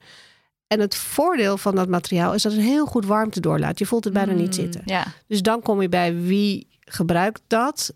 Dat zijn de mensen die heel veel waarde hechten aan, aan dat gevoel, aan die warmte. Ja, ja, ja. En die het voor family planning gebruiken. En er is denk ik een periode geweest dat het idee dat het alleen voor family planning was, niet helemaal was doorgedrongen. Dus er wa- waren ook mensen die vooral voor dat gevoel gingen, maar even Ja. niet door hadden dat het eigenlijk niet voor hun bestemd Niet was. eh, beschermd ik tegen geloof dat Charlie Sheen er één was. Ja, de Hollywood condom hè, Ja. werd het genoemd. Oh ja, ik kan me voorstellen dat dit best prijzig is. Ja. Ja. Ja, en ik eh, heb ook wel eens begrepen dat hier ook nog wel flinke geur aan zit. Het is meer een soort houtlijmgeur, hè? Wat vind Hmm, jij? Dat is eh? heel, het is heel persoonlijk. Ik vind hem. Wel oké ruikt. Het is heel zoet, een beetje amandelgeurluchtje vind Mm. ik het. Maar eh, bij alle collega's, de ene zegt, oh, valt wel mee. En de ander die gaat echt bijna over zijn nek. Het is, eh, heel persoonlijk. Ja. Maar het is wel een typisch geurtje. Heel interessant. Ja, nee, absoluut. En dan zeker dit soort dingen. Het, het, eh, het is wel lastig in deze tijd dat alles moet maar weggegooid worden. Maar eh, ja, in een emergency protocol op een eh, eiland. Als je vlucht gecanceld is, eh, bijvoorbeeld, eh, en je hebt niets meer, eh, ja, dan moet je toch gaan kijken hoe je, wanneer je wil seksen, om, om, om, om in tijden van corona toch nog wat liefde aan elkaar te geven. Dan kan je via een, een, goed meervoudig, goed meervoudig gebruik kan je, kan je doen door. Dat kan dus gewoon, want toen je dat net niet gewoon, eerst zei, niet gewoon, ik niet van, gewoon. Nee, niet gewoon. Je, Je moet het wel, wel je moet weten wat je Hoe en doet. wat. Ja. Ja. Maar Ja, dat maar- het überhaupt kan, dat had ik al helemaal Ja, ik dacht nooit, ook dat eh, dat uit is een boze Nee, maar kijk, eh, we leven in een wereld dat alles moet maar weggegooid Ja. worden. En een fabrikant kan geen garantie geven voor een condoom wat meervoudig gebruikt wordt. Een fabrikant kan juridisch gezien alleen maar eh, garantie geven tot eh, de verkoop en het eerste gebruik. Ja. En want je weet niet hoe of het wel goed. eh, Nee, dus we gaan het ook absoluut nu niet aanraden aan luisteraars die denken... Oh, dat nou, wanneer je op een eiland zit en je vluchten is gecanceld moet, ja. door Dan Trump, kan Ja. het. eh, kan dan, het eh, wel. maar dan moet je wel eh, precies weten hoe je dat, Ja. eh, hoe je dat doet. Oké, terug naar het condoom van nu. V- wanneer hebben we het dan ongeveer over? Eh, je, had, eh, je hebt een rubberboot nodig. Nou, eh, die werd eh, dankzij Columbus gevonden in, eh, 1492. ja, in, eh, in Amerika. De, de huilende bomen, caoutchouc. Eh, daarna kwam het terug. Dan had je Goodyear, die wanhopig ernaar zocht. En toen pleurde hij het in wanhoop eh, op een kachel. En de volgende dag zag hij dat er iets veranderd was. Vulkanisatie is toen uitgevonden. Dan moet je nog chemicaliën erbij hebben. En ik dacht dat je 1892 of zo had je de eerste fabriek, voor zover ik weet, in Praag. Eh, en, en in 1916 van Oh. Julius Froms in Ja, dat- Berlijn. oh, we hebben daar een pakje hiervan Ja. op tafel liggen. Oh, wauw. Oké, dus dat is echt een mega klassieker. Ja, mega- meer dan 100 jaar geleden is die, dat bedrijf. ja, op, en, dat, eh, eh, ja, en dat eh, zijn. ik hoorde laatst dat zijn bedrijf is toen door de nazi's, door de familie van Geuring ingepikt. Door die kutnazi's. En, maar hij, is, hij, heeft de boel de, hij heeft kunnen vluchten met zijn familie naar Londen. En daarna, na de Tweede Wereldoorlog heeft hij compensatie gekregen van één pfennig per, per condoom. Ehm, maar ik, ik, ben daar, ik vind het geweldig dat wij dit nog hebben. Het is een, is een droog condoom, dus zonder glijmiddel. En hij eh, had een eh, fabriekje in eh, Berlijn dat hand, hand dipte. Je had daarna in de jaren, begin jaren 50 de familie Richter in Duitsland. Die, ik ken de derde generatie, Klaas Richter. Hij is een zakenvriend vriend van ons. En die hebben, heeft de lopende band ontwikkeld. Maar dan moet je daar... Dus we praten over 19, 1892, 1916... Eh, en moderne glijmiddel erbij kwam in, eh, in, in 53, dacht ik. Dat je glijmiddel erbij kon Ja, doen. want dat is nu wel heel eh, gebruikelijk hè, bij condooms. Dat het er al automatisch Je mag ervan uitgaan dat het zit. overal op zit. Ja, dus dit is specifiek een droog condoom. Toen wij dat ook van Kalja meekregen, dachten we ook van... Huh, bestaat dit? Zeg, en dan moet je dan je eigen favoriete glijmiddel kun je daar dan Nou op ja, smeren. Of, Of niet? zoals de NVSA Ja, of- zei, wat meer tijd besteden aan het voorspel. Kan je je voorstellen hoe ontzettend gaaf heel veel... Ik, hoor Theodor nu weer praten en die bak aan leuke en ja. kennis. Ik, ik eh, studeerde Nederlands en ik zocht een bijbaantje en kwam eh, bij Condamarie terecht. En dan kom je in zo'n warm bad aan enthousiasme en kennis. Ja. Nou ja, dat wou ik nog even benadrukken hoe ontzettend eh, leuk dat is. is geweldig, ja. Het is ook leuk, ja. Ja. Oké, dan denk ik dat het tijd wordt voor de vraag der vragen. Ehm, eh, we hebben heel veel mensen gekregen die zeiden van... hoe vind ik nou een goed condoom? Ja, Waar dan was, begin het, je? dan was het ook specifiek van eh, mijn, mijn con- eh, het condoom glijdt af of rolt op of zo. En hoe weet je nou of hij dan te groot is of te klein? Wat Ja, is, en heel veel mensen die zeggen, dat ging dan vaak, noemden ze dan hun vriend, die vindt het niet lekker, want Ja. die, die voelt niks. Dus eigenlijk al deze vragen, where to start? Klinkt een beetje teleurstellend, maar mijn eerste advies is begin gewoon bij de drogist, koop het huismerk. Dus Als gaan dat- we gewoon voor, voor Durex of wat heb je daar staan? Het het mag ook, maar het huismerk is een stuk goedkoper Oh ja, en kwalitatief net ja, zo goed. Eet, Ja. Ethos, Dirks, eh, weet ik Ja. veel. Ja, Albert Heijn heeft er geloof ik ook eentje, maar dat gaat een beetje in- en uitschappen. Het begint gewoon daar. Ja. Als dat bevalt, dan zit je namelijk voor een kleine prijs op de eerste rang. Klaar. Ja. En bij heel veel mensen zal dat ook bevallen. En ik zeg dat expliciet omdat we ook in de winkel aan mensen vragen krijgen. Zeggen, goh, uh, moet het echt Durex zijn? Of mag het ook een van die goedkopere merken? Of doe ik mezelf dan eigenlijk tekort? Ja.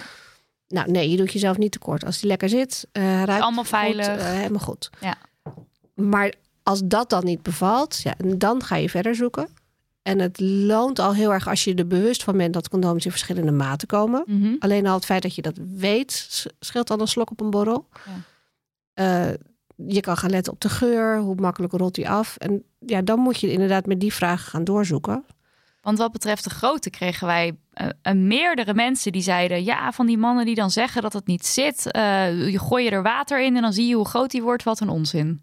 Ik, ja, nee, in principe kan je een panty ook heel ver uitrekken. Maar dat wil niet zeggen dat hij lekker zit en dat hij niet knelt en geen streamen achterlaat. Hij kan halverwege terug gaan rollen. Dus je, je krijgt bijna ieder condoom krijg je uiteindelijk wel om met hangen en wurgen. Maar om te beginnen heb je misschien al heel erg uitlopen rekken voordat je hem om. Ik ga nu even uit van een condoom dat te klein is. Mhm. Mm -hmm. Als je dat heel erg uit moet rekken om hem om te kunnen doen, kan het zijn dat je hem daar al beschadigt. Ja. Hij zit niet lekker, hij knelt meer. Hij kan tijdens het vrije een beetje terug gaan rollen. Zit hij opeens halverwege je penis of je raakt hem kwijt. Juist als hij te klein is. Ook als hij te klein is. Ja. ja. Als hij te groot is, krijg je wel heel makkelijk om. Maar dan heb je ook het idee dat het, het risico dat hij afglijdt ja. tijdens het vrije ben hem kwijt. En dat het is, niet, het is minder veilig, want de kans dat er iets misgaat is groter. En bovendien, die ervaring maakt soms dat je zo teleurgesteld bent in het gebruik van een condoom. dat of een man bij de volgende keer dat het woord condoom ter sprake komt. zijn erectie al kwijtraakt. Mm -hmm. omdat hij bang is van: oh, gut, daar gaan we weer. Of een vrouw maakt zich zorgen. En dat is ook belangrijk. Het, hoe ervaar je dat? Aspect, ja. ja ah, dus, uh, want dat hadden we ook wel van um, uh, dat je dus uh, dat je erectie inderdaad verliest als het, als het condoom erbij gepakt wordt. Dus grote kans dat er dan misschien gewoon ook een negatieve ervaring ja. of iets achter zit, waardoor ja, het ook een stressmoment wordt voor iemand. Van het gaat pijn doen of het is niet lekker. Of, ja, of dus ik ga zitten handen serieus terwijl er iemand naar me zit te kijken. Ja. Die druk is natuurlijk ook pittig. Ja. De? druk van de, de je, wil niet handen, je wil niet handen, je wil niet onhandig zijn op het moment dat nee, iemand... je wil dat soepeltjes doen en Ja. denken, hallo, daar ben ik. ja, Maar we kregen die vraag dus eh, over die maten. Toen wilden wij ook weten. En er was niks. nee. Eh, toen wilden wij weten van, eh, bij de condomerie van hoe zit dat dan? Kan je dat bewijzen? Toen kwam ik eerst terecht bij iemand, bij een hele beroemde, bij een landelijke wetenschapper. Maar die wilde vooral onderzoek gaan doen eh, voor 10.000 gulden bij jonge jongetjes. Toen, hebben ze zei, nou dat gaan we maar niet doen. En eh, toen kwam ik via mijn nichtje op faculteit van psychologie terecht. En daar was Erik Jansen bezig met een onderzoek naar impotentie. Psychologie, hè? En die had in, uh, in het AMC had hij een lab, lab uh, laboratoriumsituatie met 340 uh, mannen. En hij was daar penissen aan het meten toen als ze slap waren. En, en als ze stijf werden. En hij was geïnteresseerd in wanneer, dat, uh, wanneer iets stijf werd vanwege impotentieonderzoek. Mm, ja. Wij waren geïnteresseerd in de maat. Ja. Dus toen vroeg ik, kan je, kan je voor ons een wetenschappelijk onderzoek uh, doen naar de maat, omtreksmaat van de penis? Hoeveel kost dat? Duizend gulden. Uh, en toen heeft hij heeft dat helemaal voor ons uitgeschreven. staat op onze website. Um, het is van 4 centimeter. Dus nu wijs je naar je pink voor de voor 4 de centimeter ja. omtrek, 14 Pols, centimeter ja. pols, 14 centimeter omtrek. Wc-rol omtrek. Dus als je dat is, ja, dat is 80%. Dit is het gemiddelde bij. Dit is allemaal stijf dan. Hè? Ja, ja, ja, ja. Maar ik praat met mannen, of wij praten met mannen die hebben 17, uh, 17, 18, 19, eentje 21. Ja. En, uh, en die zijn helemaal niet, uh, die bra geen braggen, geen trots, hoe dat, geen uh, en die stoerdoenerij. niet over op, of nee, want die vragen dan aan mij, ben ik normaal? Ja. Ik zeg, nou ja, ons lieve Heer heeft je geschapen, dus jij hoort er ook bij. Alleen de, die condooms, uh, die, ja, die passen niet bij de pijn. Uh, dan krijgen ze een relatie met een man of met een vrouw. Die vrouw zei, in, aan mijn lijf geen Polonaise. Dus ze hadden relationele uh, problemen. Ja.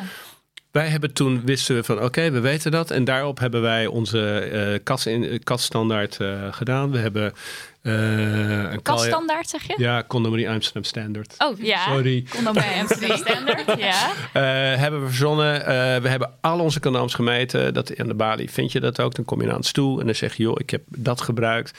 En dan kunnen wij helemaal volgen, oké, okay, dat is dat. En zijn, wat is de klacht? Is het te groot of te klein? En zo kunnen we mensen, nou, ik denk wel twintig manieren om mensen mensen bedoel ik dus mannen en vrouwen, te adviseren eh, wat eh, zij als man of de partner eh, moet gebruiken voor de maat. Kijk, kan je eentje kopen bij ons, een proefpakket. Vergeet ik nog eh? En wat we in de winkel doen, eh, is inderdaad gaan heel erg op de ervaringen van mensen. Van welke heb je gebruikt, hoe zat Mhm. dat? En dan weten wij, doordat we alles in een soort maatsysteem hebben gegoten, welke condooms ongeveer even groot zijn, welke groter zijn of kleiner. Als ik het heb over de maat van condooms, heb ik het voornamelijk over de breedte, van het hè? condoom. Ja, Ja. Niet over de lengte. En Nee. als de lengte een beetje matcht met je eigen lengte, is dat wel zo fijn. Maar Ja. de eerste focus is, kijk even in de juiste maat eerst. En jullie hebben ook eh, meetlintjes hangen in de winkel, zag ik. Ja. Is dat dan ook voor, om, eh, om je eigen omtrek te meten? Ja, Ja, vroeger deden we het alleen op gebruikerservaringen van mensen. En dan zeiden we, nou, als je deze hebt gebruikt, die valt in maat 4. In ons geval gebruiken ze iets uit maat 5 of maat 3. Hier heb je een proefpakketje. Zo ging dat eigenlijk jaren.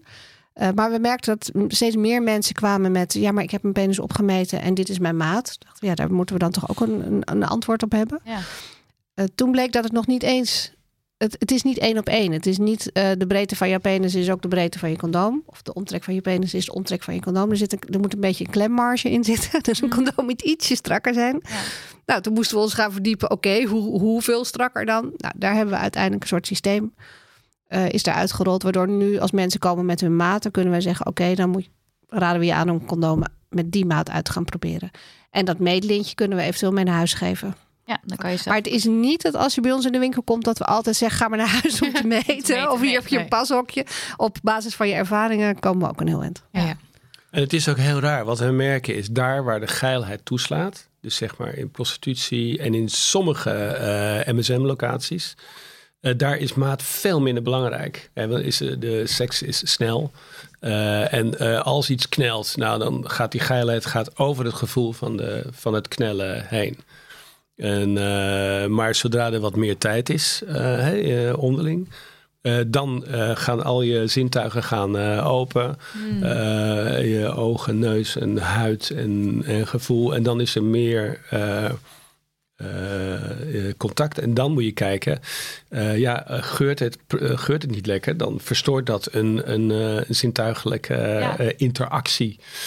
Eh, eh, knelt het, dan eh, stoort dat. Ehm, en, en daar eigenlijk, daar is, zit ook ons advies eh, bij. Nou, dit hangt dan misschien ook samen met eh, dus dat mensen zeggen van ik zit in een lange relatie en dus gebruik ik geen condooms. Dus dat ze misschien in, in wat vluchtige contacten dat het allemaal oké was, eh, een keer dat condoom. Weet maar als je langer samen bent en nou ja, ja, dat er dan dus Vol- meer zintuigen gaan werken en dat je kritischer wordt op je, ja, dat kan. op je ervaring. Het heeft denk ik ook met risico-inschatting te maken. Ik heb begrepen Ja, uit tuurlijk, onderzoeken SOA's. van Rutgers... dat mensen de eerste drie maanden nog wel ingeprent hebben gekregen van... oké, eh, Mhm. je, je moet op jezelf letten, zou ik maar zeggen. En dan na, nou, al vrij snel denken... oké, ik heb nu een vaste relatie.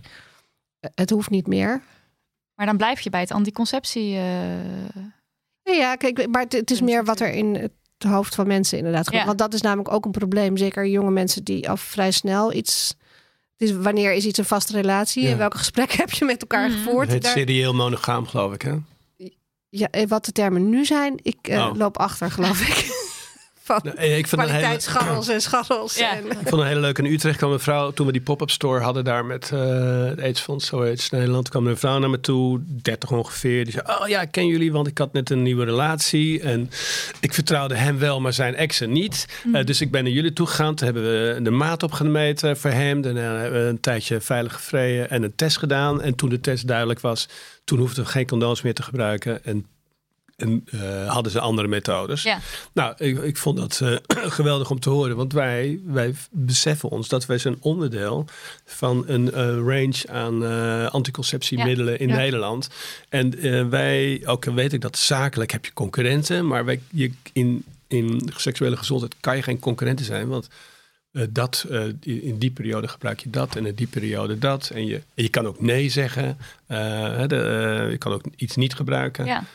Eh, wij beseffen enorm dat we daar onderdeel zijn van het eh, breed assortiment eh, in Nederland. We hadden ook wel luisteraars die zeiden van... ik gebruik het bijvoorbeeld alleen maar op vakantie... want dat vind ik Ja. handig. Want anders dan moet ik weer helemaal bij een Nou. douche of zo... en het is niet in de buurt. Ja, Dus dan dat Is je dan toch- toch, teruggrijpt op condooms. Ja, en er vroegen ook nog best wel veel mensen waarom zoveel assortiment als sommige dingen echt kwalitatief beter zijn dan andere. Maar dat is denk ik niet het geval. Het is kwalitatief allemaal goed. Maar je hebt gewoon op andere momenten andere dingen nodig en andere En wensen. iedereen wil wat en anders. iedereen wil wat anders. Als Ja. jij op je pakje de, de letter CE ziet staan met een nummer daaronder, Dan is het nummer is ook belangrijk. Dan mag je er in Nederland vanuit gaan dat je gewoon een goed condoom in de handen Ja. hebt. Of het voor jou een fijn condoom is, dat is dan dus een volgende stap. Ja. En heel praktisch misschien. Kijk, wij werken met een eh, vrij eh, gedetailleerd maatsysteem. En dat werkt in de winkel heel erg goed en op de website. Maar als jij gewoon in de ethos of de kruidvat of de dirk staat... Kijk even op de achterkant van je pakje. Daar staat meestal de breedte van een condoom. Dat is sinds een aantal jaar verplicht om het erop te zetten. Mhm. Dat was vroeger, toen ze met de condomerie begonnen, niet zo. Hè? Dan stond de maat niet op het pakje. Dus vandaar dat ze het allemaal zelf zijn gaan meten. Maar nu staat er een breedtemaat op het pakje. 52 mm is de standaard breedte van een standaard condoom. Ja. Als jij het vermoeden hebt dat je een groter condoom nodig hebt, zoek dan naar iets waar meer dan die 52 op staat. Het loopt tot 69 breedte. Dat zijn allemaal de, de Millimeter. huismerk, Ja. e- iets etelsachtige... Alle pakjes condooms, daar staat zo'n breedte Ja. op. En heel vaak zal je 52 of 53 mm zien staan. Ja. Nou, en alles wat erboven zit is wat breder. Ik moet wel zeggen dat je in de gewone drogisterijen vaak niet verder komt dan 57 Nee, mm hoor. Nee, oké, ja, dat buiten kom je bij ja. speciaalzaak. Maar is ook genoeg hè, voor eh 80% Voor heel veel de mensen, mensen is het genoeg. Ja. En die kan dus ook iets kleiner, iets van 50 of 49. Ja. En eh, dan, oké, de maat is dus super belangrijk. Gaat vooral om de breedte, dat weten we dan nu. En er zijn dus heel veel maten, daar kan je dus op letten. Eh, en dan het materiaal. 9 van de 10 keer is dat latex. Ja, Gevulkaniseerd latex. Eh, en dat is handig, want het is heel rekbaar. Eh, het is milieutechnisch gezien ook geen gek idee, want het, eh, het wordt heel goed afgebroken. En dan moet je denken aan dat witte sap wat uit een, uit een boom komt druppelen. Mhm. Dat wordt gewassen, er worden wat chemicaliën aan toegevoegd. En nou, wat, wat stappen verder heb je een dun, rekbaar condoom dat eh, een behoorlijke tijd houdbaar is. dus dit is ook de standaard. Als je zegt huismerk, zal waarschijnlijk latex zijn. Ja. Ja, Is latex. is altijd latex. Ja, en dan eh, ja, natural rubber latex heet dat. Oké. Eh, En nou heb je nog wel inmiddels wat, wat nieuwe materialen. Eh, polyurethaan is er eentje, een soort van plastic. Yay. Daar is Nidia fan van. Ja. Laat heel goed warmte door, is alleen wat minder rekbaar en een stukje duurder. Eh, ze zijn ook bezig om eigenlijk latex heel goed na te maken, maar zonder dan dat eh latexsap wat uit de boom komt druppelen, maar op basis van aardolie. Ja. Dus krijg je een synthetisch latex, wat bijna dezelfde eigenschappen heeft, maar wel geschikt is voor mensen die niet tegen die eiwitten kunnen. ja, want je kan allergisch zijn eh, Ja. voor latex. Ja. Klopt. En dan heb je nog nitriel, je hebt een soort synthetische is- hars. Dit is tril, meer het vrouwencondoom. Oh, het vrouwencondoom is van nitril. Oké. Ja, en het is absoluut een optie om eh, over na te denken naast eh, condooms. Ja. Dus eh, het, ja, het werkt. Ja, daar moeten we sowieso zo meteen nog even over hebben, want het is razend interessant. En ik denk dat weinig mensen van het bestaan weten. Wat heb je nog meer? Deze, hè? Dit is van een hars. Ja, je hebt ook een synthetische hars. Dat is een fascinerende. Die heb ik dus wel geprobeerd. We kregen huiswerk mee. Ehm, het was een beetje, het was een korte tijd om al het huiswerk te doen. Laat ik het daarop houden. Dus we hebben één keer Daniel zit hier ook te gesext lachen. en dit condoom gebruikt. Dit is een pre-erection condoom. Eh, dat doe je dus al om nog voordat je een erectie hebt. Dat bestaat dus blijkbaar. Fascinerend. Het was heel grappig. Ik kwam onder de douche vandaan en eh, ik kom zo de slaapkamer binnen en Daniel ligt er. Hij zegt: Ik heb hem al om hoor. Plezier al om. ja, ehm, Dankjewel, Daniel. trouwens. voor de test. Ja, misschien kan je zelf even vertellen wat jij er dan van vond. Want het was dus ander materiaal en het was dus ook anders in gebruik. maar moet je wel even naar de microfoon toe komen? Misschien totaal mag je al ja, de microfoon eventjes. Ja, of de mijne. Ja, hier. Ja. Ik pak een stoel erbij. Oh, zo. Oh, hij maakt het zichzelf helemaal eh, makkelijk. Daniel komt in de leven. de Voor mij was trouwens het verschil niet heel, eh, niet heel groot. Ehm, Behalve dat er dus geen glijmiddel op zit. Dus dat je dat zelf... eh, Maar dan heb je er zelf niet, op gedaan. niet veel. Want Nee, het- je doet hem die dus al is om. droog. want- Daar ja. zit geen glijmiddel op, droog. maar die Het zit er los bij. Want het idee is dus van ik doe hem maar vast op en dan kan ik elk moment gaan. nou, Daniel, vertel. Ja, wat ik ervan vond. Ik associeerde het, misschien is dat raar om te zeggen, ik associeerde het met een boterhamzakje gevoel. Omdat het echt heel flinterdun was. En ehm, het liet wel goed warmte door. Dat vond ik wel heel erg fijn. Mhm. Maar ik vond wel dat ik heel afhankelijk was van glijmiddel. Dus dat ik wel echt veel glijmiddel erbij moest Gewoon doen. een gedoetje. Ja, en dat dus je hebt niet het gedoetje van het omdoen, maar vervolgens moet je wel weer met het glijmiddel. eh, Ja, precies. Maar kan je En- dat glijmiddel er niet van tevoren al helemaal op? Of is dat smerig? Of ja, ik heb geen idee, hè? Zeg maar, Ja, nou, dat je dat je had nu plezier al op hebt. er zit dat een klein dan- zakje bij van een soort van, wat, wat een soort, wat al glijmiddel is. Het is een soort van pasta of zo. Vaseline bijna. Ja, een beetje vaseline-achtig. Dat doe je dan eerst op. Maar dat was niet voldoende.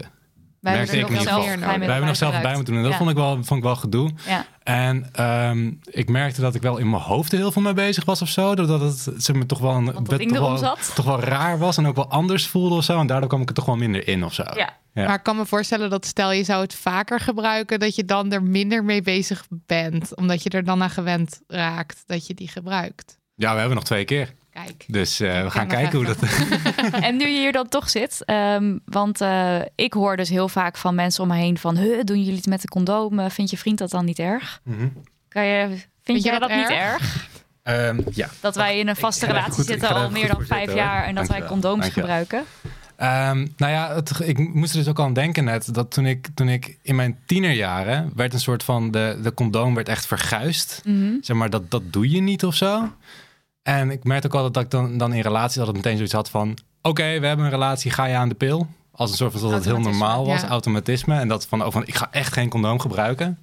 En toen ehm, kwamen wij in een relatie. En ik heb tot daarvoor heb ik nog heel erg... In het begin had ik ook nog zoiets van, ugh, condoom. Mhm. Uh, maar toen merkte ik vooral hoe jij reageerde ook op, op, op de pil. En toen dacht ik van, oké, dan moeten we toch aan condooms, want neem die verantwoordelijkheid. En toen ging ik het als een soort van spelletje zien of zo, van we gaan wat leuks uitzoeken Bij de condomerie. bij de Dat condomerie. is hoe ik bij jullie en dat was, echt, dat was echt heel erg leuk. Ja. Ja, en, en nu zie ik ook, ik vind een condoom ook heel erg leuk, omdat op het moment dat je hem opdoet, denk ik mezelf van, ah, now shit is getting.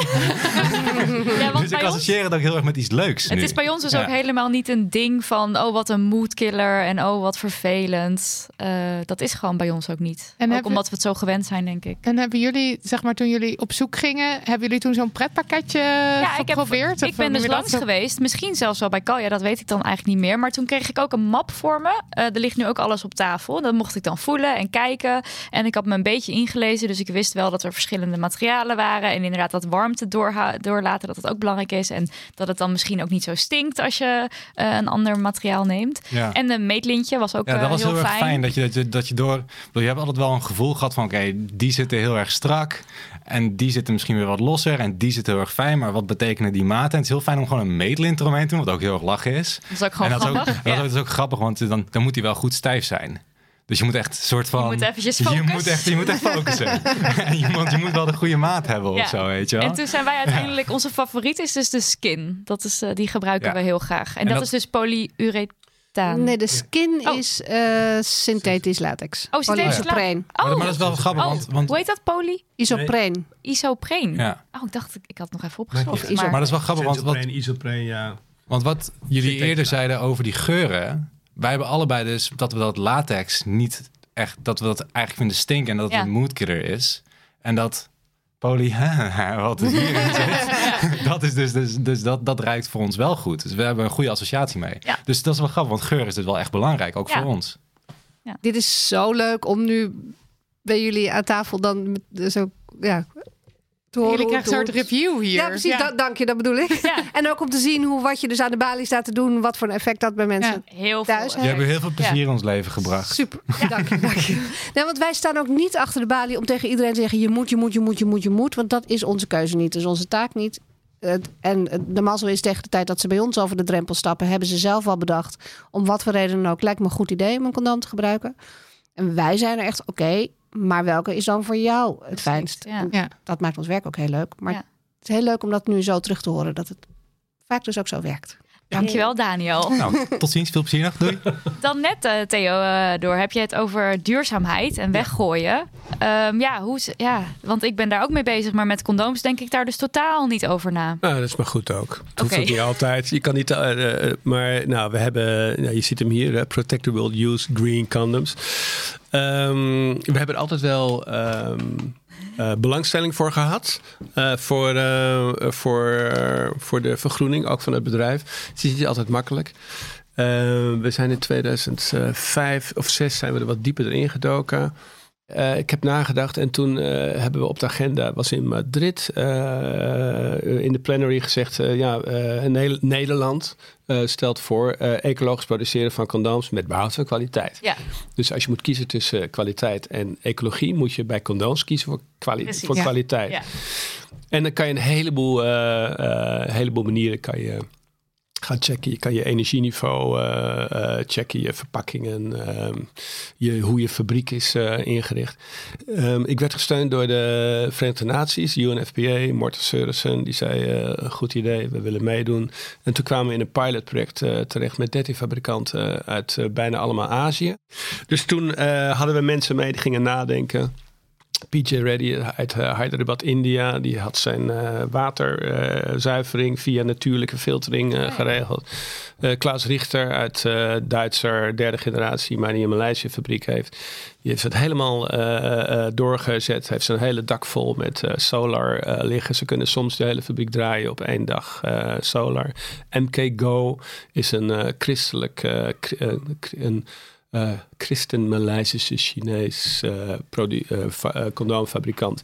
Is ook helemaal, die heeft het zelfs zodanig gedaan. Is een nieuwe fabriek, eh, heeft die, eh, die 24-7 draait. Heeft die eh, glas overdag voor lichtinval. Maar s'avonds heeft hij gordijnen om zelfs voor de dieren s'nachts eh, niet een verstoring te Oh ja. zijn. En kan je dit dan ergens, kan je dit eh, weten? Nee, dat, eh, dat is heel lastig. Eh, Ja. Wat je wel weet, we hebben een aantal eruit gehaald. Ik werd, ik werd door Klaus Richter in contact gebracht met het merk Einhorn.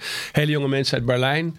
Eh, die eh, bij een rubberplantage begonnen. En eh, dus ze kijken daar naar biodiversiteit, en naar gebruik pesticiden. Hoe kan je dat ver- veranderen? Eh, het zijn eh, mannen en vrouwen, jonge, jonge mensen. En die hebben lekkere, maffe dingen. Maar het condoom, daar gaat het natuurlijk om. Het condoom is eh, goed. Veilig. Ja. Ja, eh, zij checken of het vegan is. Wat je er ook van zegt, eh, eh, dat, dat is hen eh, gelukt.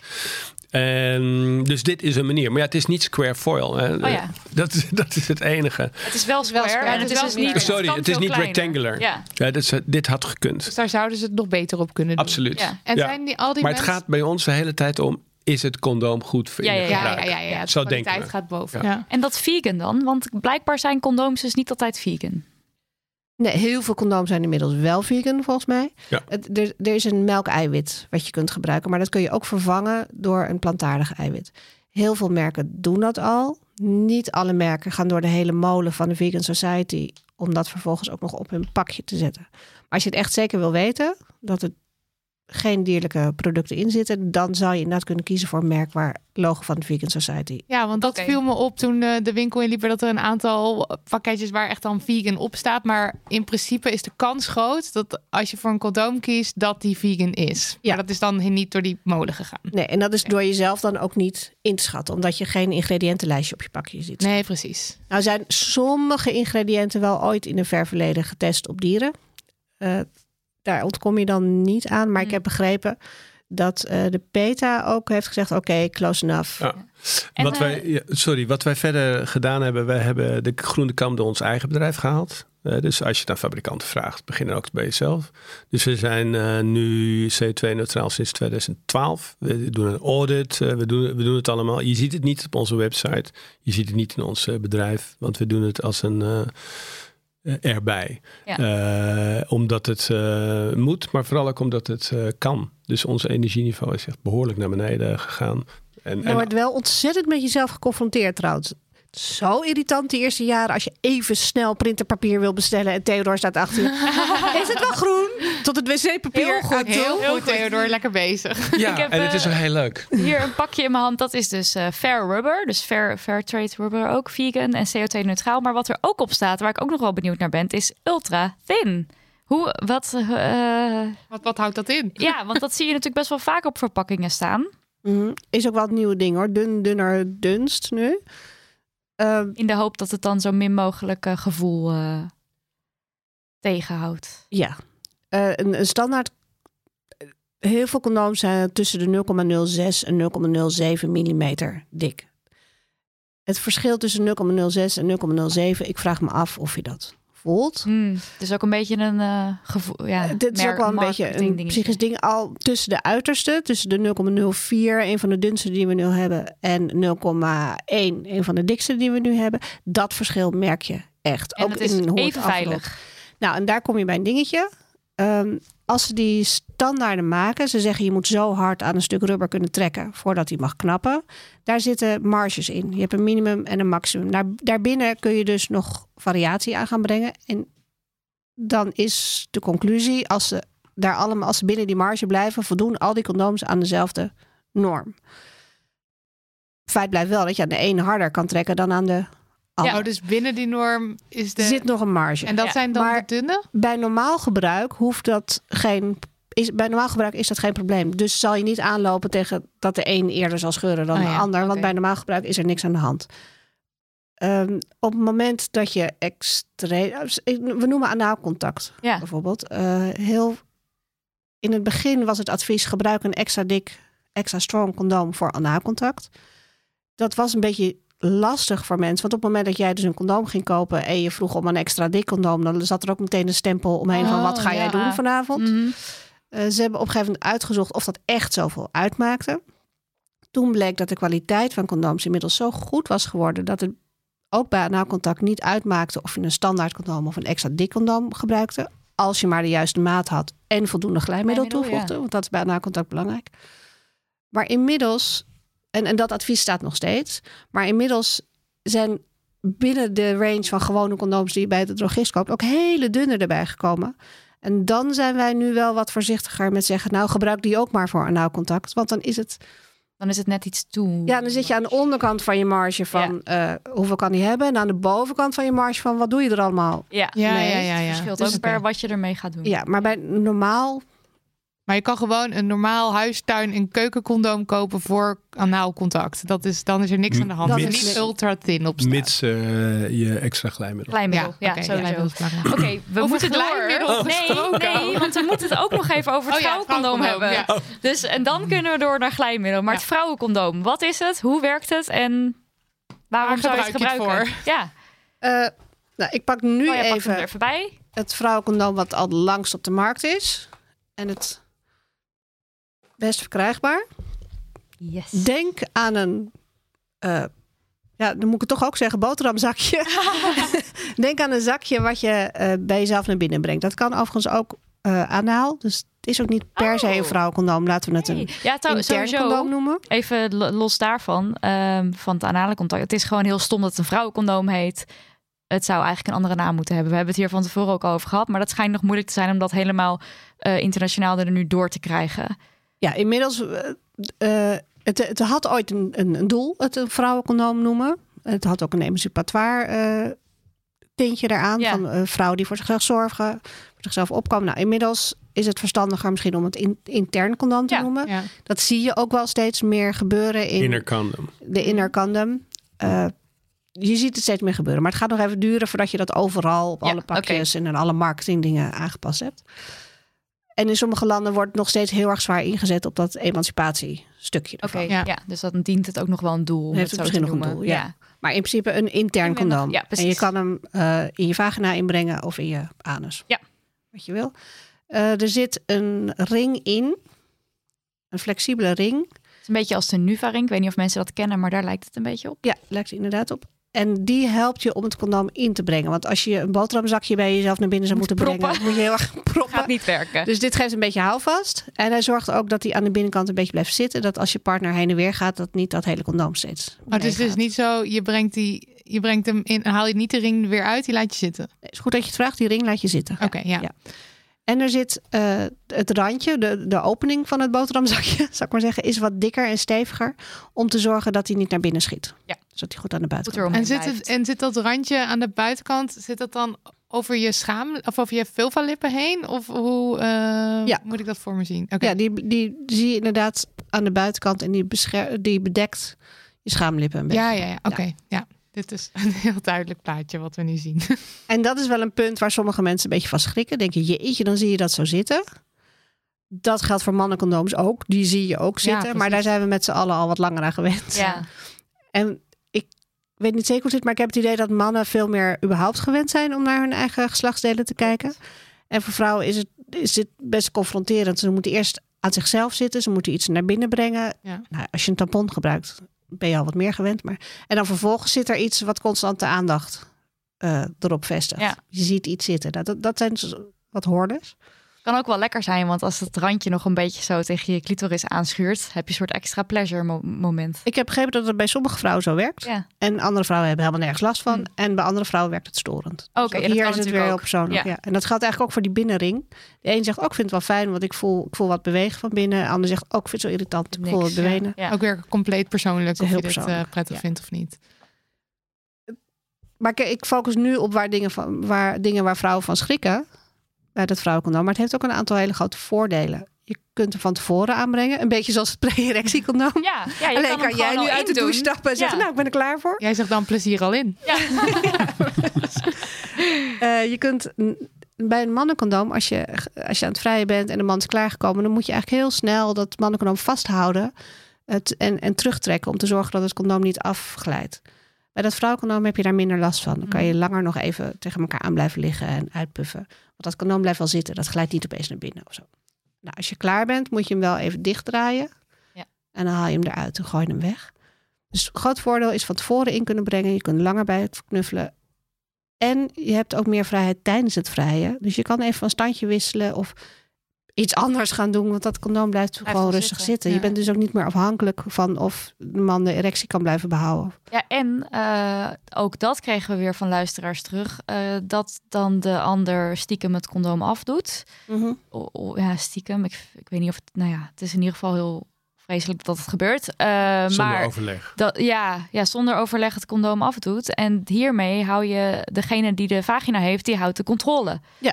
Want jij weet van, ik heb hem Eh, En je kan ook heel makkelijk voelen, zit hij er nog? ja, Zelfs zonder dat je partner het merkt, kan je heel even met je handen naar beneden. En denk, oké, weet je van, hij is goed. er. Dus Ja. je hebt meer eh, controle over de situatie. Kijk, ik, er zijn mensen die me vroegen van... oh, wat handig, kan een vrouw dit dan ook stiekem gebruiken... als een man geen condooms wil gebruiken? Nee. Als je heel handig bent, slip je zonder kruis... dat je hem niet ziet. Het zou kunnen, maar ik zou het niet aanraden. Ik ben ook een beetje bang voor het effect... als de man er halverwege toch achterkomt dat hij er wel in zit. Het lijkt me ook heel stressvol voor jezelf. Daarom. Eigenlijk. Ja, dus dat- dat, dat is niet mijn eerste ding waar ik aan denk. Maar het is... Als je wel in gesprek kan met elkaar, kan je ook zeggen: joh, weet je, de ene moment gebruik jij het condoom, het volgende moment doe ik Ja. hem. Je kan het ook een beetje als cadeautje naar elkaar. Van vandaag, eh, vandaag zorg ik ervoor. Morgen Ja. jij weer. En eh, daar had je het ook al over de winkel. Dat dit soort dingen uittesten, dat kan ook gewoon even weer leuk zijn voor, Ja. voor je seksleven. Om daar samen een beetje mee te experimenteren. En, en je eh, kan er gewoon eentje en- kopen, toch? Ja, Ja, je kan kan deze per gewoon stuk. Je kan eigenlijk alle condooms bij jullie per stuk kopen, toch? Ja, we hebben grote snoeppotten staan. en dan hoef je niet een heel pakje mee Ja. te nemen. Nee. Oké, dan kunnen we nu eindelijk door Ja. naar glijmiddel. Ik denk Glijmiddel. dat we het een beetje kort moeten houden Ja. vanaf hier. Ehm, nou, maar want ik, eh, ik heb dus ook huiswerk meegekregen. En ik heb daar, daar, nou ja, omdat ik dus seks heb met, vrouw, met een vrouw, dan eh, heb ik dus geen condooms nodig. En daarom kreeg ik heel veel glijmiddel mee. Eh, Nidia is degene die mij aan glijmiddel, glijmiddel heeft geholpen. Want haar lievelings is eh Wet Stuff. En dan de, hoe heet die ook alweer? Het is het paarse flesje in ieder geval. Het is van Wet Touch? Stuff. Ja. Ja, Touch. Ook dankzij de condomerie, hè? Want Ja. daar ging ik heen. Toen zei ik, wat moet ik hebben? En Deze moet je Tada. hebben. En toen zei Nida tegen mij, dit moet jij ook eens gebruiken. En toen dacht ik, hè, maar hoezo dan? Want in principe heb ik niet echt penetratieseks. Dus ik snapte niet helemaal waarom. Nou, glijmiddel mensen, het is helemaal de shit. Ik ben eh, een groot fan, vooral van die, van die wetstaf touch. Omdat je daar ook eh, mee kan masseren. En je kan zeg maar gewoon gelijk doorglijden naar Ja. van alles daar eh, in de, de... En het irriteert dus niet, deze. Want mensen Nee, hebben dus ingestuurd ja. van... ik kan Het niet goed tegen ja. glijmiddel... maar er zijn natuurlijk heel veel verschillende soorten ook weer. Ja, en, eh, en, en dat is echt... eh, nou, er ging wel een wereld voor me open, hoor. Dus eh, bedankt, condomerie, en bedankt, Nidia. Ehm, ja, zal ik maar gewoon... even- Want, want bij glijmiddel kregen we dus te horen dat mensen zeggen... het is niet nodig en het is allemaal erg nat van mezelf. En als, er niet, als het niet vanzelf glijdt, moet er maar meer gefingerd en gebeft worden. Hoe denken wat is jullie daarover? idee daar Ja. hierover? Nou, daar valt natuurlijk wat voor te zeggen. Mhm. Ehm, het- als iemand bij mij aan de balie komt en zegt: Ik heb altijd pijn bij het vrijen, dan zal ik niet degene zijn die meteen een flesje neerzet en zegt: Zo, nou, dit is de Opgelost, oplossing. ja. Klaar. Eh, je kan altijd wel even kijken: van, Ben ik ontspannen genoeg? Hebben we in, in principe zou een vrouwelijk lichaam genoeg vocht moeten aanmaken eh, om prettig te kunnen vrijen.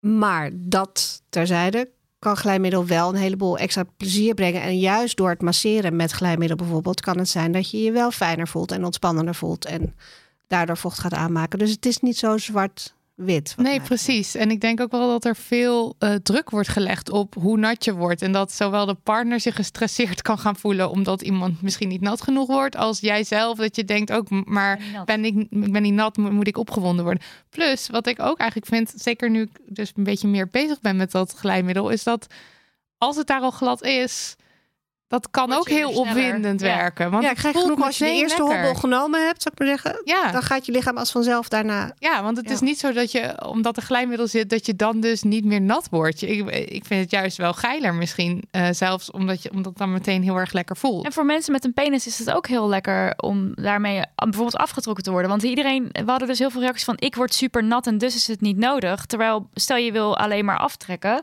Dan kan je natuurlijk ook met speeksel kom je misschien ook al een heel eind. Maar dan is het wel een hele leuke toevoeging. Ja, precies. Ja, en uh, masturberen met glijmiddel is ook helemaal leuk. Uh, en speeltjes. Ja, En dus met anale seks is het ook echt noodzakelijk. Ja. ja. Om ja. het te, te gebruiken. Want de anus die is en kwetsbaarder eigenlijk, gek genoeg dan de vagina. Omdat de laag van cellen veel dunner is. Mm -hmm. En maakt minder vocht aan. Of nauwelijks vocht aan. Ja. Dus dat zal je echt van buiten mee moeten brengen. En nu hebben jullie heel veel verschillende soorten glijmiddel. Uh, van uh, wat is het, uh, whipped cream tot cannabis lubricant, die ik trouwens geprobeerd heb en best wel lekker vond ruiken. ik snap niet precies wat de toevoeging is, maar ik vind het best wel leuk. En de peppermint wet stuff had ik ook en dat was helemaal tintelend, vond ik Tint, ook leuk. Ja, Ja. Het klinkt mint, verschrikkelijk. Nee, vind ik vond het heerlijk, ik vond het erg leuk. De, tijdens uh, masturbatiesessie kan ik het je ook aanraden, als je ervan houdt dan. Hè? Dus ja, ik, ik had wel lol. En als je condooms gebruikt, zijn er dan bepaalde types die je bijvoorbeeld absoluut niet moet gebruiken, omdat het dan gevaarlijk wordt? Dus de combinatie condomen en bepaalde glijmiddelen? Ja, bij een, zeker bij de meeste condooms, bij latexcondooms, moet je echt geen natuurlijke olie gebruiken in de zin van geen mineralieolie. Ja, daar kom ik ook nog op. Het is wel ja, goed dat je dat zegt, ook. want die vraag krijgen we heel vaak. Sowieso geen vaseline, eh, geen massageolie, geen babyolie. Dat Bij natural rubber latex. bij natural rubber latex. En bij, ook bij de eh, synthetische latex trouwens. Dus eigenlijk bij de meeste condooms die je tegenkomt, let erop dat je geen eh, andere oliën gebruikt dan de glijmiddelen die speciaal ervoor bedoeld zijn. Ja. Oké. Want een babyolie, oké, misschien ga je rondkijken. Oh, heb ik nog olijfolie in mijn kastje staan? Nog Of olie, ja. heb ik nog wat shampoo? Dat glijdt ook. Vaseline eh, is ook bij sommige mensen heel populair. Maar dat verzwakt het latex en dan heb je gewoon grotere kans dat je condoom scheurt. Hm. Oké. Het verschilt per olie hoe snel en hoe erg het verzwakt. Dus je zal mensen tegenkomen en zeggen... nou, ik gebruik al jaren deze, deze olie, niks aan de hand. Hartstikke fijn, maar het levert wel een risico op. En we zijn heel hard op zoek geweest naar een lijstje... met welke olie verzwakt naar hoe erg. Hebben we nog niet kunnen vinden. Hm. Dit Dus- is een van die vragen waar jullie dan twintig jaar mee bezig gaan waarschijnlijk. precies. Dus we blijven toch maar steeds weer terugkomen. Of weet je, ne- neem het risico niet. Eh, kokosolie krijgen we die vraag nu vaak. En dan ook veel mensen zeggen, doe het al jaren, geen probleem. Hartstikke top. Maar uit onze mond ga je het niet horen als advies. Want, Als combinatie met condooms. Maar Oh, in in, combinatie principe om met het te condooms. gebruiken ehm, als glijmiddel puur. Dus, eh, mag, maar als je merkt dat je klachten krijgt... in de zin van ja, ir- ja, irritatie of te beginnen eh, schimmeltjes... of eh Ja, ja, gisten ja. te groeien. Want dat, dat risico loop je wel met Mm. olie. Eh, dat paarse flesje wat jij hebt meegekregen is een siliconenolie. Ja. En siliconen is een hele slechte basis voor gisten en bacteriën om op te groeien. Dus de kans dat mensen daar eh, op reageren is heel klein. Ah, oké, ja, want ik vind het dus heel prettig ook. eh, Het klinkt misschien eng, siliconen. Maar gek genoeg merken we dat heel veel mensen daar juist heel goed op Super reageren. glibberig. Ja, heel. En eh, voor het inbrengen van make-up heb ik een keer van jullie eh, waterbasis. eh, Ja, die gebruik ik dus nu ook. Ook Ja. op aanraden van jou. En dat is echt eh toppie. ja, deze krijg ik nog commissie, lieve mensen? maar wat voor waterbasis? Welke is dat dan? Oh, Wat ik is heb de hem niet waterbasis? meegenomen, Natuurlijke, die heb jij ook nu inderdaad aan Oh, Marilotte yes, yes, yes. meegegeven. Ja, yes, yes, yes is het Ah. inderdaad, ja. Ja, die, die vrouwen kwamen bij ons. eh komen uit de medicijnenindustrie, Engelse vrouwen. En die waren zo overtuigd dat ze dat moesten maken. Hebben hun huizen verkocht. En dat in hun eh, geld gestoken. Wow. En ze gingen er helemaal voor, ja. Cool. Heel Cool. leuk. Ik weet niet of ze nog of ze fiets zijn. Zijn, maar in ieder verkocht, geval. maar- nee, je hebt mensen met, eh, met passie. En, eh, en wat die kleine betreft, we hebben die wetstuffman, dat is Paul White, is een totale freak eh, op glijmiddelgebied. Eh, Mijn middelgebied is een totale is- freak. Ja, en eh, is, eh, op Sydney, die houdt ook van om allerlei dingen te onderzoeken eh, op, eh, op het allerkleinste niveau. En dan gaat hij bijvoorbeeld zeggen, ja, die Durex is eigenlijk een buitenwijk. eh, bu- Durex glijmiddel is een buitenwijk eh, eh, glijmiddel, namelijk drie, drie minuten seks. Maar je hebt eh, Hè? Wat bedoelt hij daarmee? Phoenix seks. Eh, Oh ja. Oh, en, eh, maar ja, eh, je hebt ook eh, mensen in de Phoenixwijk die wel veel aandacht Ja, aan zaken besteden. dit is Phoenix mens shaming. Ja, dat is een schande. Maar die, die is, heeft dus een hele chart met dat is voor drie minuten, dat kan je na twintig minuten, dat, dat werkt twintig minuten, dat voor langer, dat is voor anaal bij de vagina. En wij zijn nu bezig, maar we zijn nog niet klaar om het helemaal in kaart te brengen, omdat er zoveel mogelijkheden zijn. En ons advies is de hele tijd begin bij de basis. Hè. Begin bij een waterbasisglijmiddel. Eh, Van een eh, be- begin Simpel daarmee. merk Ja. weer, ja. Ja, simpel merk. Van Eh, daaruit ga je dan... En, ja, en dat bevalt wel of niet.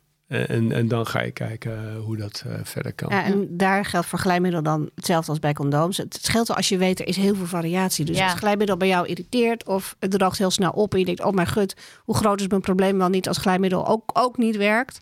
Het kan zomaar zijn dat, het, dat je het verkeerde glijmiddel te pakken Ja, hebt. Dat het En als een condoom niet past, is Ja. niet omdat jij eh buitenissig bent... maar dan heb je gewoon het verkeerde condoom te Ja. pakken. En vrouwen in de overgang komen ook eh Ja, naar ons ook toe. nog trouwens. Dat is een goede. Ja. Of een medicijngebruik kan ook Medicijnen zorgen of, voor meer of droogte. eh, die, wat is het, droogte na oncologie. Ja, wat ik hier nog... Eh, oh ja. Heel veel van deze glijmiddelen zijn hartstikke fijn om eh, tijdens het vrije, om mee te spelen, masturberen, speeltjes. Maar er loopt ook een groep vrouwen rond die zoveel last heeft van vaginale droogte. dat ze ook tijdens het fietsen of tijdens het lopen Oh, overdag schurend, geïrriteerd Oh, ja. ervoor ervaren. Als die een ge- gewoon tube glijmiddel in de handen geduwd krijgen en dat de hele dag erin gelopen smeren, heb je. gezichtscrème dat je gewoon even smeert. Ja, nou, bij die dus liever niet. Daar heb je dan speciale producten voor. Oh, Oké. Hm. Eh, omdat dan een gewoon... Kijk, zo'n gewoon glijmiddel is bedoeld voor een paar keer per week. Niet om de hele dag in je vagina te smeren. Dus dan loont het wel om even op zoek te gaan naar een speciaal product ervoor. En er hoeven niet altijd oestrogenen in te zitten. Dat kan ook zonder hormonen. Interesting. Ja. Zullen we even liklapje. doorgaan naar het liklapje? Het weflapje slash... li- Ik heb hem er net eventjes uitgehaald en ik ruik de geur al, want het is eh, Strawberry. strawberry. ik heb hem dus niet gebruikt, want vanwege omstandigheden waren de poorten gesloten. maar ik was wel heel eh, gefascineerd. Eh, maar wat we vooral kregen was eh, liklapjes. Bestaat Wat dat is dan? het? Wat is het en waarvoor heb je het nodig? En waar koop ik het? Het voelt heel zacht. Oh ja, oh ja het is ook een beetje boterhamzakjesachtige situatie. Eh, Zal, ja, ik, zal ik eens beginnen met eh, een, eh, een groep vrouwen uit San Francisco die de, die de zaak binnenkwam 20 jaar geleden, geloof ik. Van eh Sex Shop Good Vibrations. Hele goede naam.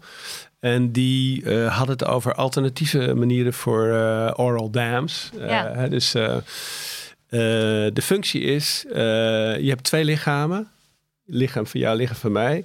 Wij, jij hebt body fluids, ik heb body fluids. En eh, wat je moet eh, doen is voorkomen dat mijn body fluid naar jou gaat of de jouwe naar de mijne. Dat is even abstract. Kan je een laptop voor gebruiken?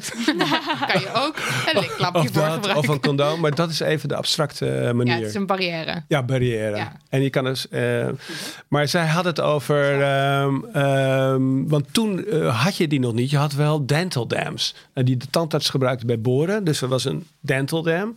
Dat gaat eh, in je mond, gaat er dan een boor doorheen. En dat voorko- voorkwam het spatten. Dus. eh, Vierkant latex lapje was. Viertex latex lapje. En, en dat, was een dent, dat was een dental dam. En toen kreeg je opeens, eh, eh, dus eh, in het HIV-tijdperk, kreeg je dat een dental dam door sommigen gebruikt wordt als oral dam. Oh ja. En daarna zijn, zijn ook oral dams speciaal gemaakt. Daarvoor. Daarvoor. Maar een alternatief is bijvoorbeeld mag, magnetronfolie, vertelde zij. Nee, juist niet. Huishoudfolie. Sorry, huishoudfolie zonder Ja. gaatjes. Eh, sorry, huishoud eh, zonder gaatjes. Dat is goedkoop. Eh, dat is boterhamzakjesachtig dun. Eh, die kan lang, eh, eh, lang uitrekken. Kan je Dan doe wat, kopen? Kan je overal kopen. Doe je wat glijmiddel in. Daarna klap je dubbel. Eh, en dan heb En dan je, kan je een- ook gaan. dan heb je, eh, ja, heb je ook een eh, oral dam. Dus dat is de goedkope, dat is een goedkope oplossing. Maar Nice. ik moet eerlijk zeggen, ik geloof, want ehm, eh, als vrouw die het met vrouwen doet, heb ik niet echt per se de, ehm, de noodzaak gevoeld ooit om een eh, liklapje te gebruiken. Want ik was, nou ja, ik weet dat het niet helemaal klopt, maar ik was een beetje in de veronderstelling dat je niet echt zoals kan krijgen als je seks hebt met vrouwen. Eh, en hoe, kan je daar nog iets over zeggen, Kaya? Eh, ja. Als in dit, dit, deze overtuiging van mij. Ja, nou, als, als we heel erg uitgaan in eerste instantie van HIV, is de kans heel klein dat je dat via oraal contact oploopt, maar niet uitgesloten. Nee. Maar wel heel klein. Nou, op basis daarvan snap ik de risico-inschatting van wow, hoeft. Al wel. Kijken we naar andere geslachtsziekten, eh denk een gonoreu, eh, een chlamydia in je keel. Ja, dat daar heb ik een keer, ben ik heel bang voor geweest. Dat Was niet had, hè? zo, maar oh, voor de maar- mensen die het niet Ja. weten, je kunt chlamydia dus ook in je keel krijgen. En in je anus krijgen en in je vagina krijgen. Ja. En als je dat wil testen, moet je dus ook en je keel en je vagina moet en je anus. Dan moet je apart testen. specifiek- Ja, oh. HIV is een bloedtest. Dat, hè, het zit in je bloed, dus dat is prikken. En dan weet je of je dat hebt, ja of nee. Maar chlamydia is er zo eentje, dan moet je op locatie echt testen. Wist ik heel lang niet, dus bij deze Ja, het was echt een openbaring voor mij. Dat, eh, dat, eh, deel dat ik deze kon. kennis met Ja. mijn Voor medevrouwen. de luisteraars. Alsjeblieft. Deze is voor jullie.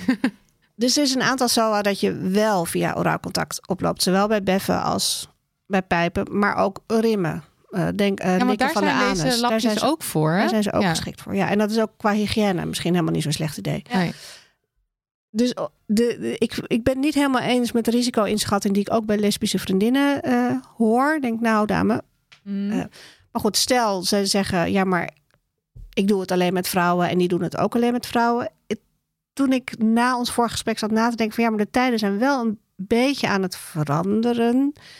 In de zin dat de kans volgens mij rede- best aanwezig is dat als jij nu een, eh, een vrouwelijke partner hebt, dat het wel kan zijn dat jouw vrouwelijke partner eh, het en met mannen en met vrouwen doet. En je doet het eigenlijk altijd ook met de exen van je Ja. partner. Ja, ja, ja. Ik, ik pleit er eigenlijk voor om je risico-inschatting wat aan te passen en je er bewust van te zijn. En dan kan je er wel voor kiezen om allebei bijvoorbeeld te testen. En vanaf dat moment besluiten monogaam met elkaar verder te gaan. Ja. Dat is een optie. Maar denk alsjeblieft niet, ik heb niks nodig, want ik loop niks op. Ja. Ik heb ook nog even, toch even opgezocht van ja, maar zijn er dan ook cijfers over? En dan blijkt het dat onder lesbische vrouwen en bi-vrouwen toch ook de chlamydia, de gonoreu, het komt gewoon wel voor. Ja, dus je loopt gewoon risico op een SOA. Dus Ja. in ieder geval is het denken dat je dat risico niet loopt, dat is niet. Niet waar. Nee. En dan hebben we het niet alleen over beffen, maar ook over het delen van speeltjes met elkaar. Oh ja, want jij had mij ook nog die, die, die, die droog, droogcondooms meegegeven daarvoor. Heb ik Ja. ook niet gebruikt op speeltjes. Maar het is dus eigenlijk de bedoeling dat je een condoom eh, over een speeltje heen trekt dan ook of zo? Eigenlijk zou je dan van condoom moeten wisselen als het speeltje van jou naar je partner gaat. Ja. Of andersom. Ik had je een droog condoom meegegeven, omdat op de meeste condooms zit siliconenglijmiddel. En als jij toevallig siliconen speeltjes hebt, zou dat je speeltje aan kunnen tasten. Ah, oké. We hebben het wel eens geprobeerd. Ik, ik zie het niet heel snel gebeuren, maar goed, dat zeggen ze. Dus gaf ik je een droog condoom mee. Oh, vandaar. Ja, ja, speeltje oké. Ja, Maar in nee, principe dat, zou dat je was dus dus- ook nog nooit in me opgekomen dat je, dat je een condoom zou moeten gebruiken eigenlijk als je speeltjes deelt. Maar ja, dat- We hadden nog een leuke mail over het beflapje gekregen. Dat was van iemand die eh, kritisch eh, was op het beflapje. Want zij had wel eens van een onderzoek gehoord waaruit bleek dat het misschien toch niet altijd even eh, effectief is. Omdat ze ook niet zo gebruiksvriendelijk zijn. Het kan verschuiven. Nou, je kan het op, z'n- op z'n- Mhm. per ongeluk omwisselen. En zij wees ons toen op mylaurels.com. En dat zijn dus onderbroeken die ontwikkeld zijn eh, als, als, als beflapjes. Eh, dat is ook grappig als je op die site kijkt. Dan zie je ook dat het bijvoorbeeld ook heel fijn is. Stel je hebt een eh, partner die eh, haar, haargroei heeft op de kin. En dat is een beetje zo dat het niet irriteert. Dat dat ook kan helpen. Ja, ik vind het heel grappig. Dus dit bestaat blijkbaar. Dus onderbroeken die... eh, ja, en ze zei dat ze ook fan was van de condomerie. Dus Oh, grappig. Ik lief. weet wel, in Colombia heb je een broekje met een vrouwencondoom, hè? Maar niet Ja. met een liklapje. Dat zit er al in verwerkt. Oh. Ja. Ah. En wij hebben ooit een keer een sample gekregen van een maskertje wat je op je gezicht Oh, plakken. ja, of maar- nee, dat nee, plakte je over je vagina heen. Wij hadden het op ons gezicht Nee, er was een, was een begrepen. prototype uit uh, Maleisië. Ja, ja, waanzinnig wat er allemaal verzonnen wordt. baan hebben jullie hoor. Maar ik ben het wel eens met haar opmerking over de mitsen en maren van de effectiviteit van een dus dat liklapje. ik hem Ja. niet heb uitgeprobeerd, maar het leek me ook niet ideaal. Dus eh, er moet gewoon verbetering later in nog wel komen. even op terug. Dat is nog wel wat ook een, eh, verbetering. Ja. ja. Een leuke laatste vraag dan over deze onderwerpen. De toekomst. Dus zijn er dingen waarvan je denkt, nou dat moet beter, dat kan anders. Of hier zitten we al naartoe te werken al jarenlang. Eh, een spray-on condoom of zo, ik, eh, weet ik het. Ja, dat is ooit bedacht, maar het is nooit eh, uitgevoerd. Nooit gelukt. Nee. Ik vind dat glijmiddel, waar wij mee bezig zijn met dat glijmiddel, vind ik een, een- als we dat voor elkaar hebben, is, vind ik dat een belangrijke eh, stap. Condooms is wel, vind ik, goed uitontwikkeld. Nieuwe materialen zouden nog kunnen. Ecologische aspecten kunnen absoluut nog verbeterd worden. En ik hoop trouwens dat eh, morgen al die SOA's eh, de wereld uit zijn. Ja, Ja. zou leuk zijn. Kan jij nog een toekomstvisie?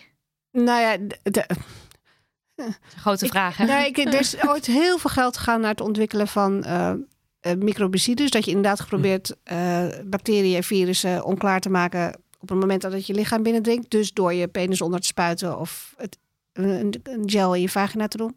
Vooralsnog eh, helaas pindakaas. Sommige dingen lijken in een eh, reageerbuisje veelbelovend, maar blijken dan zo irriterend te zijn voor de vaginale slijmvliezen dat je daarmee alleen maar vatbaarder wordt voor virussen en bacteriën. Dus ik, het lijkt er nog niet op dat dat eh, de weg gaat worden. En dan heb je iets ontwikkeld en dan ontstaat er weer een nieuw virus, waar je dan weer niet Ja, klaar voor bent. Ja. Maar ik hoop wel, wat mij betreft qua condooms, het gebruiksgemak, hoe meer we daar nog aan kunnen doen. Want ik krijg steeds meer eh, dames van in de 20, 30 die inderdaad zeggen: Ik ben klaar met die pil, ik, ik wil of ik kan geen spiraal. Dus condoom gaat het voor mij zijn de komende 20 jaar. Ja. Nou, hoe makkelijker een condoom dan eh, te gebruiken is, ja, hoe beter. Ja. hoe, hoe fijner. Ja. Ja. En ik, ik kan niet voorspellen welke ontwikkelingen zich daarin gaan doen. Maar bijvoorbeeld eh, dat uniek, dat eh, kijk, synthetische haarspray erectie condoom wat jij geprobeerd had. Ja, ja, die je dus om kan doen nog voordat, je, voordat je een erectie Ja, ja, precies. ja, die bestaat ook in een vorm die je omdoet terwijl je al een erectie hebt. Ja. En die is zoveel makkelijker om, om de, bijna als een soort boterhamzakje in- van sok trek je dat over je penis. en Oh, dat ja. kan zoveel makkelijker. Dus als daar meer variaties Van in komen. het omdoen alleen al Ja. iets makkelijker Ja. maken. Ja. Ja, ik zag ooit een filmpje van Easy On, ook op die manier. Ja. Eh, dat en de was- Wingman, toch? Die heeft toch ook een De Wingman is, eh, is een applicatie erbij. Oké, ja. En eh, we hebben van de sekswerkers bij ons in de zaak hebben we een truc geleerd. Die leren we nu aan alle studenten om een, via een draaitruc om het heel snel om te doen. Nog Is daar een dan filmpje van wat we in Ja. de show notes kunnen zetten? Ja. ja, ergens op de website staat. Oké, ja, gaan de, we dan- de draaitruc. Gedraaid, Ja. oké. Ja, en eh, werkt al werkt. Eh, Werkt, eh, werkt heel goed. Maar de Easy On, dat had je dan. En dan kon je, was bidirectional. Dus je kon in het donker links of rechts kun je het omdoen. We hadden dat filmpje gezien. En eh, eh, wij testen dat eh, uit. Maar dat werd te hard om mij eh, heen gedaan. Dus toen eh, klapte ik bijna dubbel van de pijn. Dus je moet bij het Oh. uittesten moet je wel eh, heel voorzichtig Ja, ja, ja, ja, moet je voorzichtig doen. met, eh, met zaken. En eh, een, een ontwikkeling die niet geen toekomst is, maar wel ondertussen eh, gedaan is, is PrEP. Is natuurlijk Ja, is een, Dat is een mooie, ja, ja. goede is ontwikkeling. een goede ontwikkeling. En wij hebben, hè, je had vroeger had je Double Dutch, pil met condoom, Ja. pil voor zwangerschap, eh, condoom voor anti-SOA. Eh, wij hebben bij de condomerie bedacht en uitgetest ook eh, Double Dutch 2.0. Dus eh, PrEP beschermt tegen HIV, maar niet tegen eh, andere SOA. Dus waar het om gaat is, mensen moeten blijven nadenken. Ja. En als je in de verre toekomst kijkt, dan kijk ik terug naar de jaren 70. Naar Jane Fonda eh, in haar powerrol van eh, Barbarella. Eh, dat is een film die jullie nog maar eens moeten zien. En het gaat over seks hebben met anderen zonder elkaar aan te raken. Ah, met vibes. Oh. En dan vibes. En zo. En. Leuk. Dat is ook een mooie toekomst. Ja, dat eh, eh, zie ik ook zitten. Zeker bij de sociale onthouding die wij nu eh, Ja. opgelegd krijgen. Eh, een gaan, we, gaan wij voor eh, Barbarella. Yes. Ja,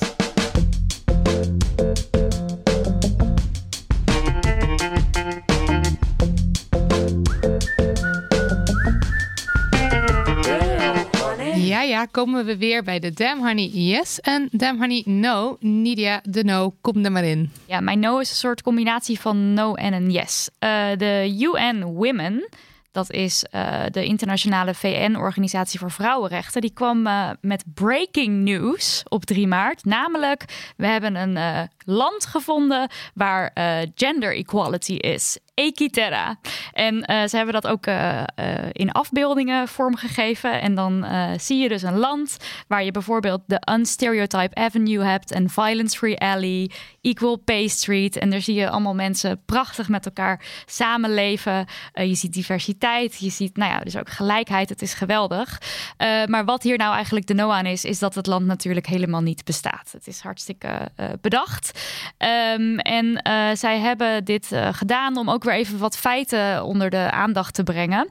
Bijvoorbeeld op Unstereotype Avenue, dat hebben ze bedacht, um, omdat rolpatronen nog steeds heel erg vastgeroest zijn. En de feiten die ze daarbij geven zijn dat meisjes uh, vanaf een jaar of zes al doorhebben of denken dat jongens uh, meer um, ja, briljantie, of hoe zeg ik dat? Dat ze, dat ze beter zijn in het.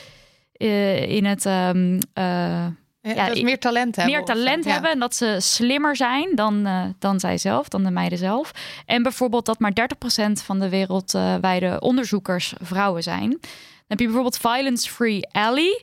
Daarbij hebben ze het feit dat wereldwijd 17,8% van de vrouwen te maken heeft gehad met fysiek of seksueel geweld door een intimate partner in de afgelopen 12, jaar, uh, eh, 12 maanden. Dus iemand die dicht bij je staat, die dat dan bij je doet. En waar er dan uh, beschikbare data is bij die landen, daar blijkt dan ook nog eens dat minder dan 40% van die vrouwen hulp zoekt. Uh, en in 2017 werd meer dan de helft van de vrouwelijke slachtoffers die vermoord werden, namelijk 58%, vermoord ook door een intimate partner of iemand uit de familie. En dat gaat om 137 vrouwen per dag. Precies.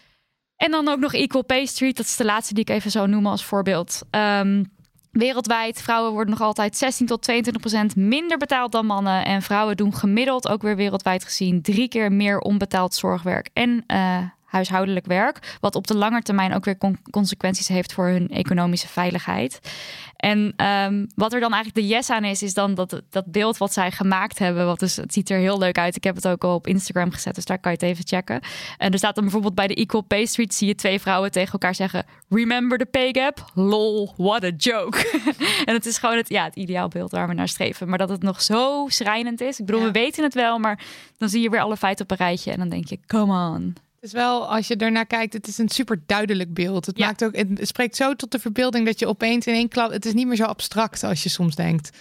Uh, dus uh, ga vooral eventjes kijken naar, uh, naar dit artikel, want het is echt ook heel erg leuk. Het is schijnend en leuk. Ja, het is ook bijvoorbeeld een glasbak en dan staat er de, de glass ceiling. Dat is, ligt daar dan weer allemaal stukjes, zijn ze dat aan het opruimen. Ja. Marilot, de yes. De yes. De yes is dat wij gisteren een Dolomina hebben ontmoet. Een original. Een original uh, eerste uurs uh, Dolomina, genaamd Dunja Verwij. We mochten komen praten um, bij uh, Stax en Twan. Uh, op de radio, NPO 1. En uh, dat was echt heel cool. En Dunja was ook uitgenodigd. Dus opeens zaten we uh, met haar aan tafel te praten over alles abortus. En sowieso waar we voor vechten nog in onze strijd tegen ongelijkwaardigheid. Dus voor gelijkheid. En ze had boeken meegenomen. En ze, ze, was een beetje aan het bladeren en aan het vertellen. En ze stond op allemaal foto's. En uh, in de live show die we hebben opgenomen in de Tolhuistuin uh, op Internationale Vrouwendag, hebben we het ook gehad over de vrouwenbeweging door de jaren heen. Dus we hadden al een beetje wel wat meer een beeld van wat de Dolomina's deden en waar ze voor stonden en waar ze voor streden. Uh, dat was bijvoorbeeld eerlijke lonen en plasrecht op straat, tegen, tegen seksueel grensoverschrijdend gedrag, dat alles. En dat is dan aan de ene kant we, voelen we ons dan heel verbonden met, aan de andere kant is het ook een soort van, ja, maar wat hebben we dan bereikt? Want, want want, we strijden nog steeds voor dezelfde dingen. En wat zij zei op de radio was: er is in het, in het wetboek, zeg maar qua regelgeving, hebben we wel allerlei dingen bereikt. Uh, op papier zijn we gelijkwaardig. Uh, dit is trouwens ook wel wat wij vaak naar ons toe gesmeten krijgen: van je mag toch stemmen, je mag toch werken. Man en vrouw zijn voor de wet gelijk. Wat loop je nou te zeuren? Maar in de praktijk is dat natuurlijk nog niet, nog niet zo. Um, nou, ze ging een paar voorbeelden geven van acties waar ze dan aan mee had gedaan. Bijvoorbeeld dat ze condooms gingen uitdelen aan de secretaresses to be bij opleidingsinstituut Schroevers. Omdat dan uh, vrouwen, dus vooral de secretaresses, waren een beetje waren meer voor de heb dan dat Zo werden het, ze eh, toen nog gezien. ja, dat, eh, dat, en dus dan moet je condooms hebben om jezelf te beschermen. Dat was het idee achter die, achter die actie. Wat best wel sterk. Eh, en ze, hebben ook, ze had ook meegedaan met een actie waar ze dan eh boksen, kinderboksen, op, op het beursplein hadden gezet. Als een soort, om, omdat ze kinderopvang eisten vanaf kinderen voor, vanaf vier jaar, geloof ik. En dat, dat is dan dus wel gelukt. onderwijs voor vier jaar. Maar daarvoor ook nog crashes inderdaad. Ja. ja. En, en op straat mannen nafluiten en ze de ervaring laten voelen van hoe het dan is als je dan eh, weer eens hey, schatje naar je hoofd krijgt en zo. Dus het, het, is, het sprak gewoon eh, ontzettend tot de verbeelding. En wij hadden gisteren zoiets van, nadat, na, nadat we haar ontmoet hadden en dat interview hadden gedaan, zoiets van, oh, we moeten ook de straat op, we willen, we willen actie. Eh, dus eigenlijk, ja, dat is eigenlijk wat ik nu wil zeggen, is dat wij ook de straat op gaan. En dat is de Dem Money Yes. Ja. Ja.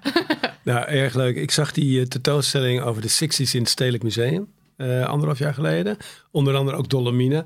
Nou, gewel- eh, ik vond het was ontzettend leuk, maar ook heel serieus. Ja. Dus dan kon hij die combinatie maken van serieuze onderwerpen en toch op een hele leuke manier gebracht. Eh, eh, behaalde verworvenheden eh, ze kunnen altijd teruggedraaid Ja. worden. Je moet altijd scherp blijven. Zo'n SGP eh, die tegen de regering aanhurkt. Eh, f- eh, ik bedoel, die voorlichting voor ook voor die voorlichtingsspotjes zijn niet voor niks eruit gehaald. eh, in Nederland, onder druk van de ultra-conservatieve religieuze partijen. En, eh, maar ik vond Dolomina eh, Is, Fantastisch. eh, ja, is geweldig. Ja, we moeten de straat op mensen. Ja, we moeten de straat op. Ja. Stuur, stuur ons ook, als je zin hebt om mee met ons de straat op te gaan, stuur ons vooral een mailtje. We gaan eventjes kijken wat we, wat we, wat we gaan doen überhaupt en hoe we dat gaan vormgeven nog. Maar geef ons vooral eh, een seintje als je mee wilt doen, want eh, hoe meer mensen, hoe beter. Dit was aflevering 38. Dankjewel Theodor en dankjewel Kalja eh voor jullie belangrijke werk en, en, en, deze, en deze heerlijke demonstraties die we hier hebben gehad. Het was heel fijn. Bedankt Daniel van de Poppen voor al je producer magic en wederom voor vannacht. Lucas de Gier voor de tunes die al anderhalf jaar mijn kop niet uit te rammen zijn. En Lisbeth Smit die allemaal grootste ideeën heeft voor onze website. Lieve luisteraars, bedankt voor het meedenken en voor het insturen van jullie verhalen. Stuur post naar info@dammoney.nl. Wil je ons supporten? Laat een recensie achter op iTunes of bol.com of weet ik het. Maar niets gaat boven mond-op-mond reclame. Dus open nu een raam en schreeuw je longen uit je lijf. Damn Honey, de podcast is geweldig. Oh my god, echt gênant als je nog niet luistert. Of doe dat gewoon even lekker niet. Ja, zelf weten. Je weet toch. Latertjes. Doei. Dag. Nog even over die grootse en epische muziektheatervoorstelling. Het achtste leven voor Brilka is een marathonvoorstelling van 5 uur. Koop je tickets voor deze bijzondere theateravond via oostpol.nl.